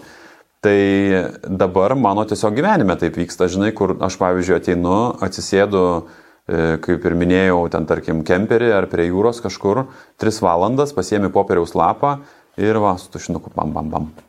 Mhm. Man reikia kažką sukurti, aš nežinau, ką sukurti. Tai negana to, kad tu net nežinai medijos, su kuria tu darysi, ten tapysi ar netapysi, tu iš vis nieko nežinai. Ir tu leidi savo e, smegenis bombarduoti visokiom keistom, įdomiom idėjom, ten kergi viską, žiūri, žmonės guli ant smėlio, smėlis, smėlis, kopos, kopos, kopos perkeliami galeriją, galerijų kopos, iš kopų gal padarom labirintą aš labirintas faina, ten žmonės klaidžioja, ar tai atrodo estetiškai, ne, o jeigu kopos, o jeigu kopos vanduo, vanduo užpila, užpila, užpila, užpila, galerikos, nors yra užpylę, kad visi braido, gal tas yra faina. Nu ir tu taip kuri, kuri, kuri ir tai gimsta iš to paties malsumo, sakau, kaip atsisėstum prie popieriaus lapo ir turėtum kažką piešti, piešti, dudlinį ir tu žiūri, kažkas gaunasi, o gal šitą pabandysiu, o gal šią pusę nukrypsiu. Tai tas pats ir su ta kūrybinė sritim. Aš atsimenu, pas mane buvo tie fotografijos projektai ir tada aš padariau e, komforto zoną ir aš gal kokius, jo, tris metus, du, tris metus nieko praktiškai tokio kažkokio reikšmingo nedariau. Aš mhm. nusprendžiau, kad fotografijoje galbūt nebūsiu, man kažkas yra kito įdomu, jo labiau, kad tie projektai tiek buvo savyje sukaupę to potencialo, ta guma buvo taip išsitempus, kad tas traukinys ten, ir, lem, kiek čia privardino viską, guma išsitempus traukinys važiuoja, žodžiu. Tai, kad tiesiog važiavo viskas savo eiga ir mano darbas pagrindinis buvo kelis metus e, sėdėti, atsakyti e-mailus, važiuoti reklaminės kampanijas pafotkinti, e, printus atspausdinti, nuvažiuoti parodą. Tai aš tiesiog iš tokio, aš galėjau nieko tuo metu nekurti naujo, žinai, ir man buvo e, jau kažkokios tai pajamos. Dar vestuvės fotkindavau, žinai. Okay. Nes e, ir, ir, ir, ir, ir tada kažkaip tu eksperimentuoji toj studijoje ir buvo tas nutikimas, kuris man viską ir vėl pakreipė į naują sritį. Aš turėjau iš kažkur, ar iš vestuvių, ar iš kažkokio renginio, nežinau, juodą helio pripūstą balioną. Studijoje tiesiog kabėjo. Mhm. Ir, e, ir aš pagalvojau, kad, o tai įmanoma tai padaryti, kad tu tą helio balioną prikabini tiek svorio, kad jis nei kyla, nei leidžiasi, bet nėra prie nieko pririštas. Ir aš pasėmiau ir pradėjau ten lipnę juostą klijuoti, klijuoti, klijuoti, klijuoti. Ir padariau taip, kad jis tiesiog kabo ore. Ir man toks, o, wow. Ir aš jį mhm. palikau. Ir aš tada nueinu dirbti, čia vėl laiškus atsakinėjau. Ir tas balionas ten pakelio akis kažkur ten kabo. Tada vėl sėdžiu, pakelio akis, jis jau kažkur kitur plūduriuoja. Kaip toks gyvūnas. Hmm. Ir aš tada sėdžiu ir atsimenu, Ir jis taip, pop, ir nusileidžia priešais mane ant stalo. Praskrenda ir nueina. Nes, nu, kažkokios yra vidinės, vid, vidinis klimatas kažkoks tai studijoje. Ir jis man pasidarė toks kaip personažas ir man taip faina pasidarė, kad negyvas daiktas yra kaip gyvas daiktas. Ir čia yra toks kaip smegenų brokas pas mus. Nu, tu gali paimti akmenuką ir jį savaitę prižiūrėti, kaip to mogočiai ten. Migdyti, ten atsikelti, įvesti lauką. Ir tu prie jo taip prisiriši, kuris tau pasidarys brangus. Mhm. O jis yra negyvas. Tu žinai, kad jis negyva, bet jis tau brangus pasidarys. Toks, nu, durnelis pasidarai, žinai. Yeah. Tai man su to balionėliu tas pats atsitiko. Ir aš galvoju, tai aš tą balionėlį pririšiu prie kito balionėlio. Ir vienas balionėlis ves kitą balionėlį. Nu, va toks vagimi. Ir aš juos taip surišau, padėjau, su telefonu nufotkinau, įsikėliau į Instagramą ir Instagram'e kažkaip žmonės taip, o, wow. Nu, tai va, nežinau, kas čia yra, bet man tai patinka. Aha. Ir aš galvoju, o, ir man tai patinka. Ir tada prasidėjo nauja epopėja mano sugalvotų nesąmonių, tai reiškia visokių ten variacijų. Ir aš tada suradau naują, e, kaip hekas lietuviškai. Nežinau. Žodžiu, suradau naują būdą, kaip apgauti ir sulaužyti tą status quo, nes aš pagalvojau, kad tai gerai, tai dabar faina idėja, žmonėms patiko, vienas balionėlis, man reikėtų sukurti daugiau instaliacijų. Reiktų čia tipo, kad tas projektas pradėtų važiuoti, žinai, tai galima su daugiau balionų daryti, dar kažką, kompozicijas, kur kam, ko tau reikia. Tai reikia, kad kažkas norėtų tai gyvendintų, turi rašyti paraiškas, kreiptis, eiti į galeriją, muziejų ir taip toliau, jie turi norėti. Ir aš galvoju, aš esu architektas, aš galiu suprojektuoti galeriją, aš moku daryti vizualizacijas, aš galiu suimituoti galeriją, mm. aš moku su 3D dirbti, aš nieko nedarysiu, aš niekam nieko nerašysiu, aš viską pradėsiu imituoti. Ir aš tiesiog tas balionų kompozicijas pradėjau kelti savo susikurtas erdves, galerijas ir taip toliau, jos yra gražiausios, kokių gyvenime negausi. Ir pradėjau dėti Instagramą. Ir visi, wow, to prasme, seniai, tai tu čia keliauji. Ir aš pradėjau teginti skirtingus miestus, ten Berlynas, New Yorkas, Los Andželas, dėl marketinginių priežasčių, kad atrodytų jiem, jog visa tai vyksta. Ir kad atrodytų tiem, kurie priiminėja sprendimus. Ir jie pradėjo galvoti, kad visa tai vyksta ir, ir, ir galvoja, kad tai yra sėkmingas projektas. Ir tada rašo man, sveiki, matėm, juodi balionai, norėtumėm, kad atvažiuotumėt pas mus. Vėl nor. Ir atvažiuoju. Nesijauti apgavikas toks. Čia toks, ne, aš nesijaučiu apgavikas dėl dviejų priežasčių. O kas sakė, kad visa tai turi būti gyvendinta? Mm. Yra be galo ir daug teorinių menininkų visokių. Ir tai yra koncepcijos Aš niekada iki galo nesakiau, žiūrėkit, ateikit, Los Andželė vyksta paroda ar dar kažkas tai tokio. Aš išnaudoju sistemą savo naudai. Mhm. Jeigu aš galiu kažką teginti ir tai algoritmas priima ir pagal tai skaičiuoja, tai aš jaučiuosi išnaudodamas įrankius taip, kaip juos reikia išnaudoti.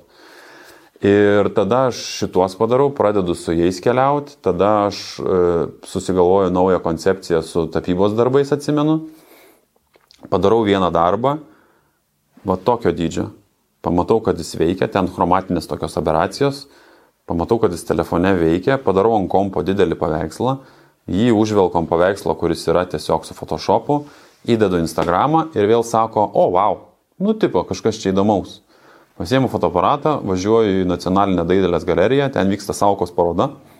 Aš išfotografuoju visą parodą ir ant saukos paveikslų sudedu savo paveikslus pradedu feedinti į Instagramą ir visi sako, o, wow, ir man rašo tada italai, mes turim galeriją, mes norim padaryti parodą. Gerai. Aš tada pusę metų ar metus kuriu tos paveikslus, vis padarau, viską išvežu tenais ir ten soldautas. Per tris dienas. Ir, ir, ir dabar, ir aš nesijaučiu, kad aš apgavinėju, nes aš apgaučiau, jeigu aš užsakovo nuvilčiau. Yeah jeigu tu žiūri Instagram'e kaip vartotojas ir tai yra galutinis tas vartojimo produktas, ką tu ir pamatysi, koks tau skirtumas, tai realiai vyko, ar tai yra visgi vizija, idėja ir taip mm. toliau ir panašiai. Tu vis tiek, tai yra jau produktas, kurį tu matai. Tavo tikslas kaip vartotojui yra gauti šiek tiek to dopamino ir skraulint toliau. Aš tau tą sukuriu, viskas, mes atsiskaitė. Kai mane kreipiasi kažkas, kad aš noriu gyvai padaryčiau, mano užduotis yra tai gyvai padaryti.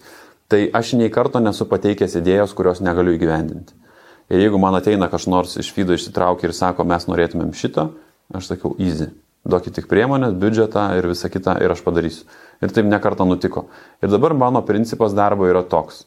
Ir tai yra, aš skaitau, visiškai nuostabus kaštų, resursų, laiko ir viso kito taupimas, kas yra dabar jau, aš neįsivaizduoju, kad būtų nuodėmė kitaip daryti. Mhm.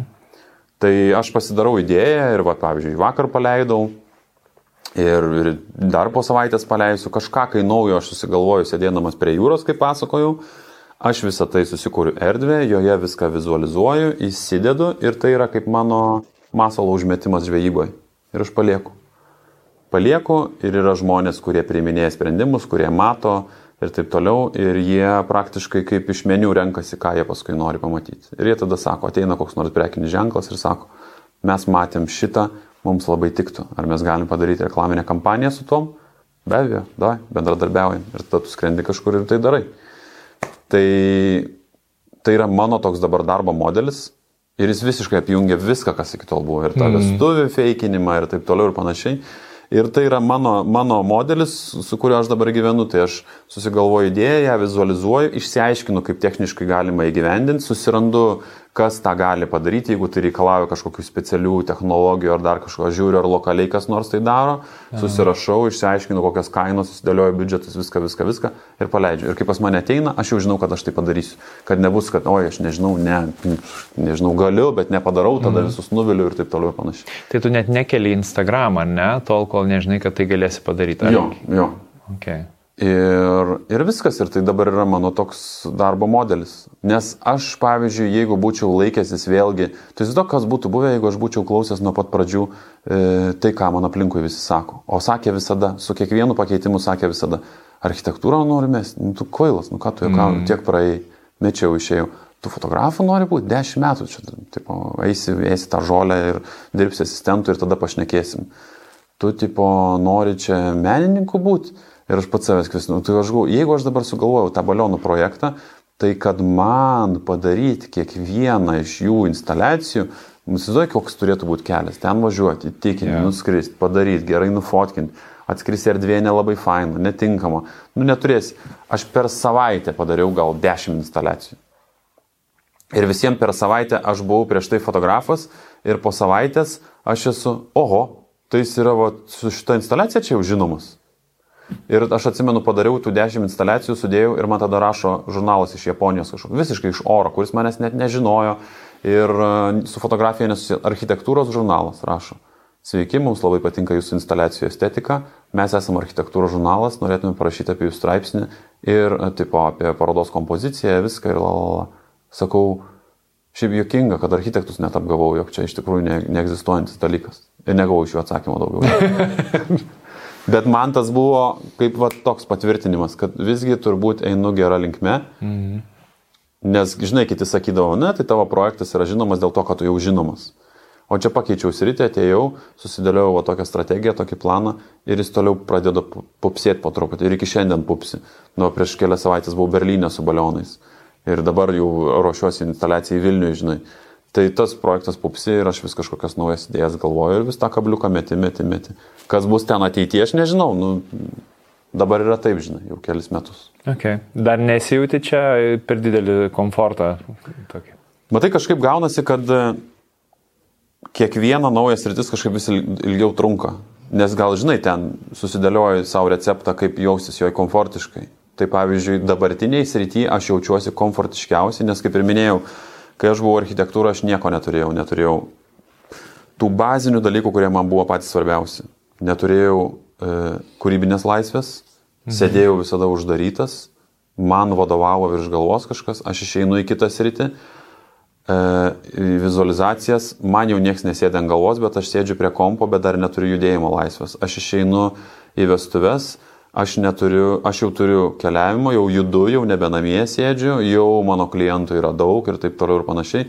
Ir beje, vienas detalė buvo, aš atsimenu, kad aš kai dirbau su vizualizacijom ir vestuvėm ir reklamom, aš supratau, kad tu boso neturi, bet kiekvienas klientas yra tavo mini bosas. Tai. Ir čia buvo dar vienas varnelė, kurią aš užsidėjau išėjęs kurti instaliacijų ir meno, kai aš supratau, kad man nebereikia kliento ir užsakovo, aš sukūriu ir tada jis ateina ir pasiema tai, kas jau sukurta. Mhm. Tai tas dar didesnė laisvė. Tai šiandien aš keliauju po pasaulį, nesėdžiu prie kompo, neturiu vadovo ir neturiu mini vadovo, tai reiškia iš ankstinio užsakovo. Turiu jų keletą, su kuriais ten padirbu, bet principė aš turiu visišką laisvę. Tai dabar, kai aš jau taip susidėlioju visą tą ir mano tas kelias buvo čia, nežinau, 15 metų iki to, aš dabar komfortiškiausiai jaučiuosi. Tai vienintelis, kas galėtų būti, man atrodo, mano sritinės, šiaip kūrybiškai ir visai kitaip aš visiškai kaifuoju, man labai gera, aš kiekvieną dieną tą, ką darau, mėgaujuosi, tai vienintelis, kas galėtų man pakišti koją, tai reiškia, kad besitęsiantis kažkoks tai nesėkmės periodas, žinai, kur tu pradedi savim nebetikėti, mhm. tau nesigauna, tu neuždirbi ir tada pradedi ieškoti kažkokių kitokių variantų ir taip toliau ir panašiai. Ir, ir, ir buvo etapas, kur aš tiesiog pervargau nuo, nuo krūvio, kur buvo kelionė po kelionės, mano maži vaikai, mano žmona namie. Ir, ir jis sako, tau faina tu keliauji, o aš sakau, tau faina tu namie būni. Ir tu sakau, nesupranti keliavimas, kai dirbi, tai nekeliavimas, kai keliauji, o tu tiesiog sėdi lėktuve, susirašinėjai, atskrendi, neši visišką atsakomybę, jauti stresą ir grįžti po kelionės iš tolimiausios šalies ir nukrenti ir galvoju, ačiū Dievui, pasibaigė. Mm. Ir praeina trys metai tokio keliavimo ir aš galvoju, kaip apmaudu. Aš buvau nuostabiausiose šalyse, susipažinau su fainiausiais žmonėm ir kiekvieną kartą aš norėjau, kad tai kuo greičiau baigtųsi ir aš atsidurčiau namie. Ir aš atsimenu, aš tada tau parašiau Ir sakau, ką man daryti, tipo, sakau, tipo, turi darbą nemėgstamą, susirandi kažkokią svajonę, pradedi gyventi tą svajonę ir tu pradedi ją nebesimėgauti. Ir tu sakai, reikia alokuoti užduotis. Ir čia buvo mano geriausias sprendimas. Ir dabar taip ir yra. Aš dirbu su Viktorija ir su kitais žmonėm, kur aš tiesiog kuriu. Mm. Ir mes turim, pavyzdžiui, didelį užsakymą kokį nors, o Berlyne buvom, aš tiesiog atvažiuoju ir jo, tai reikia padaryti. Tau bus sunku. ir jai yra faina, nes in neturi to e, kažkokio moralinio to e, ryšio su, su kūriniu, supranti, aš kaip autorius labai nešu didelę atsakomybę, aš esu perfekcionistas. Aha. Man atrodo, jeigu nepavyks, aš prieš klientą kaltas, aš prieš žiūrovą kaltas, aš dėl visko jaudinos, aš esu tas uh, human pleaser, kur aš turiu patenkinti, kad visi laimingi ir viskas turi būti idealiai. Ir man tada plyšta galva. Viktorija ateina, čia tu kuriejas, tu kurk, sėdėk, tavo darbas bus įgyvendintas ir neturi tos atsakomybės tokios. Jis tiesiog vykdo užduotį ir viskas. Mm. Ir žino, kad bus viskas gerai. Man, jeigu balionas leidžia orą, man šakės instaliacija griūna ir tas stresas kraunasi galvoje, nes aš žinau, kad tada čia tipo sugrius, čia prastai atrodys, klientas bus nusivylę. O in ką mato? Leidžia balionas ir reikia išspręsti tuoj pakeisim naujų, užklijuosim, padarysim sprendimus, nusiusim atveš klyjų, jeigu nebeturim naujo baliono, jeigu yra, užsakysim ir taip toliau. Ir viskas. Ir aš tada, la, la, la. ir nu, va, toks, suprantate, atsirado. Tai man dabar toks, e, sakyčiau, aukso amžius, kiek gali būti aukso amžius, žinai. Atmetus mm. visas pandemijas, ten finansinius stresus ar dar kažką tai tokio. Tai darbinė prasme visiškai mėgaujas. Ir kai pradedi mėgautis, tada pradedi ir labiau savim pasitikėti, žinai ir, ir, ir, ir, ir save patį pradedi gerbti, nes būna ir tokių, kur tu ten atrodo darai tai, ką nori daryti, bet save greuži ir nepasitikė ir tau atrodo, kad kiti geriau daro. Ir tu pradedi pats mėtyti pėdas ir pradedi kažką imituoti, pavyzdžiui, tą, ką esi matęs, nes tau atrodo, tai yra sėkmės istorija, bet tai nelabai gaunas. Tai šitos visus dalykus tu išgyveni visada, žinai, ir tai yra mhm. toks, va, tas ups and downs ir moralinis, ir finansinis, ir visoks kitoks. Bet dabar aš jau taip sakyčiau, kur jau ir, ir, ir, ir pats prieš save atrodo, esu atradęs ir niekam nebeturiu atrodyti kažkaip, kaip man atrodo, žinai, ir neturiu dalyvauti tose prestižiniuose parodose, renginiuose, kur man atrodė, kad yra prestižas. Ne, dabar tikrai gyveni tą savo gyvenimą, žinai, tokį jo. legendėlę ir viskas labai faina. Bet reikėjo turbūt tą patirti. Tai žinai, turi, jo, be abejo, taip, be abejo. Kad suprasti jo, kad nieko. Įsiskaudini, pra, prabūni, prasigriauži Nu tikrai, esu nu, labai kankinėsis, tikrai. Mm. Bet paskui save lopai žiūri ir toks būna tie lūžė momentai, kur man nu, ir prieš, prieš čia metus ar kiek, kur nu, visiškai pasiekiau tą jau pikų piką, kur net depresiją susirgau ir visiškai susilaužiau. Ir tada jau, kai išlipau iš to, tai pradedi savęs kvestionuoti, kodėl taip įvyko, žinai, kokios to priežastys, kodėl aš save iki to davedžiau, kur neteisingai aš ką mačiau ir įsivaizdavau. Ir tada, kai šitos dalykus susitaisai, tai nu, labai daug geriau pasidaro. Gerai, aš norėčiau baigti mūsų pagrindinę pokalbio dalį, bet dar turėsim truputėlį pasikalbėti. Turiu tau daug klausimų, į kuriuos gali atsakyti labai labai trumpai ir greitai, arba iš vis neatsakyti, jeigu nenorėsi. E, mes tai vadinam Blitz QA tokiu. E, ir iš karto dar pradedu. Specialiai PIN bendruomeniai Contribui dar pusvalandžio trukmės Blitz QA su Tadu Černiausku kuriame paskelbėjom, ką daryti, kai trūksta motivacijos, ką Tadas patarė tiems, kurie nekenčia savo kasdienio darbo ir nežino, ką su tuo daryti, apie sėkmę, pinigus, menininko ritualus bei tradiciškai dėkingumą. Pažiūrėkim trumpą Blitzkienei ištrauką. Nemanau, kad tą reikia daryti. Ne, ne reikia poreikį. Man visada yra pradėk nuo poreikių mažinimo. Tai okay. čia visi nuvažiavę į tą pusę yra. Čia, man atrodo, prakiksmas, kurį turi, žinai, tie žmonės, kurie gyvenime dirba tai, kas labai labai veža. Taip, taip. Bet, nu, žinai, tu mėgaujas, tai man tas yra faina. Man mhm. faina yra apie tai galvoti. Kažkas nuolat e, negali negalvoti apie seksą. Ir jis galvoja, nu, tai jam gerai. Aš galvoju nuolat apie kūrybą. Negaliu apie ją negalvoti, žinai. Jaučiuosi labiausiai pasveikęs negu bet kada. Visko mhm. atsisakiau visų šitų. Ir žinau, kad tai bus laikina, vėl kažkada grįšiu, tai čia tokios atostogos, žinai, nuo tų režimų. Ir aš savo kartais net tą minties eksperimentą darau, žinai. Mhm. Stoviu parduotuvį ir galvoju, mano sąskaitų yra 5 milijonai, pavyzdžiui. Man nebereikia dirbti, nieko nebereikia daryti. Aš galiu veikti, ką noriu. Ką aš darau? Susirgau depresiją. Ir aš nieko nedarysiu, nieko nedarysiu, nieko neveiksiu. Aš tiesiog mėnesį gulėsiu lovai ir stengsiuosi pasveikti, nes aš ką tik sulūžau dėl to, kad per daug dariau. Yeah. Ir tuo metu tikrai apie jokią kūrybą negalvojau. Ir sakau, man mama sakė, o tu galvoji, kad čia tau lengva. O kas tau sakė, kad tai bus lengva? Mm. Nu, aš manau, kad teisingas kelias. O kas sakė, kad aš turiu vargti? Aš šiandien stebiu viską kaip filmą. Man ir tas įdomu, ir tas, kas vyksta. Ir vad ką aš turiu labai mokytis, tai būti stebėtojų labiau negu dalyvių. Nes pamačiau, kad aš daug dalykų negaliu įtakoti. Tai aš labai noriu būti stebėtojas. Man tada sako, žinai, bet tu terminizmo šalininkas. Nu tai gerai, jeigu nuo manęs niekas nepriklauso, aš nieko nedarau. Aš va atsėdėsiu. Būtų labai sunku, jeigu tu esi priverstas galvoti apie tai, apie ką tu nenori galvoti. Žinai, yra kažkokios tau užduotis pavestos ir tu turi rasti sprendimus ir tu to darbo nekenti. Tas žmogus, kuris šiuo metu žiūri mūsų podcastą, galbūt neturės visiškai jam įtakos tai, bet kažkam gal bus, ble, Aš mesiu darbą. Nu, aš negaliu. Nu, aš vat noriu ir viskas. Noriu ir aš galiu.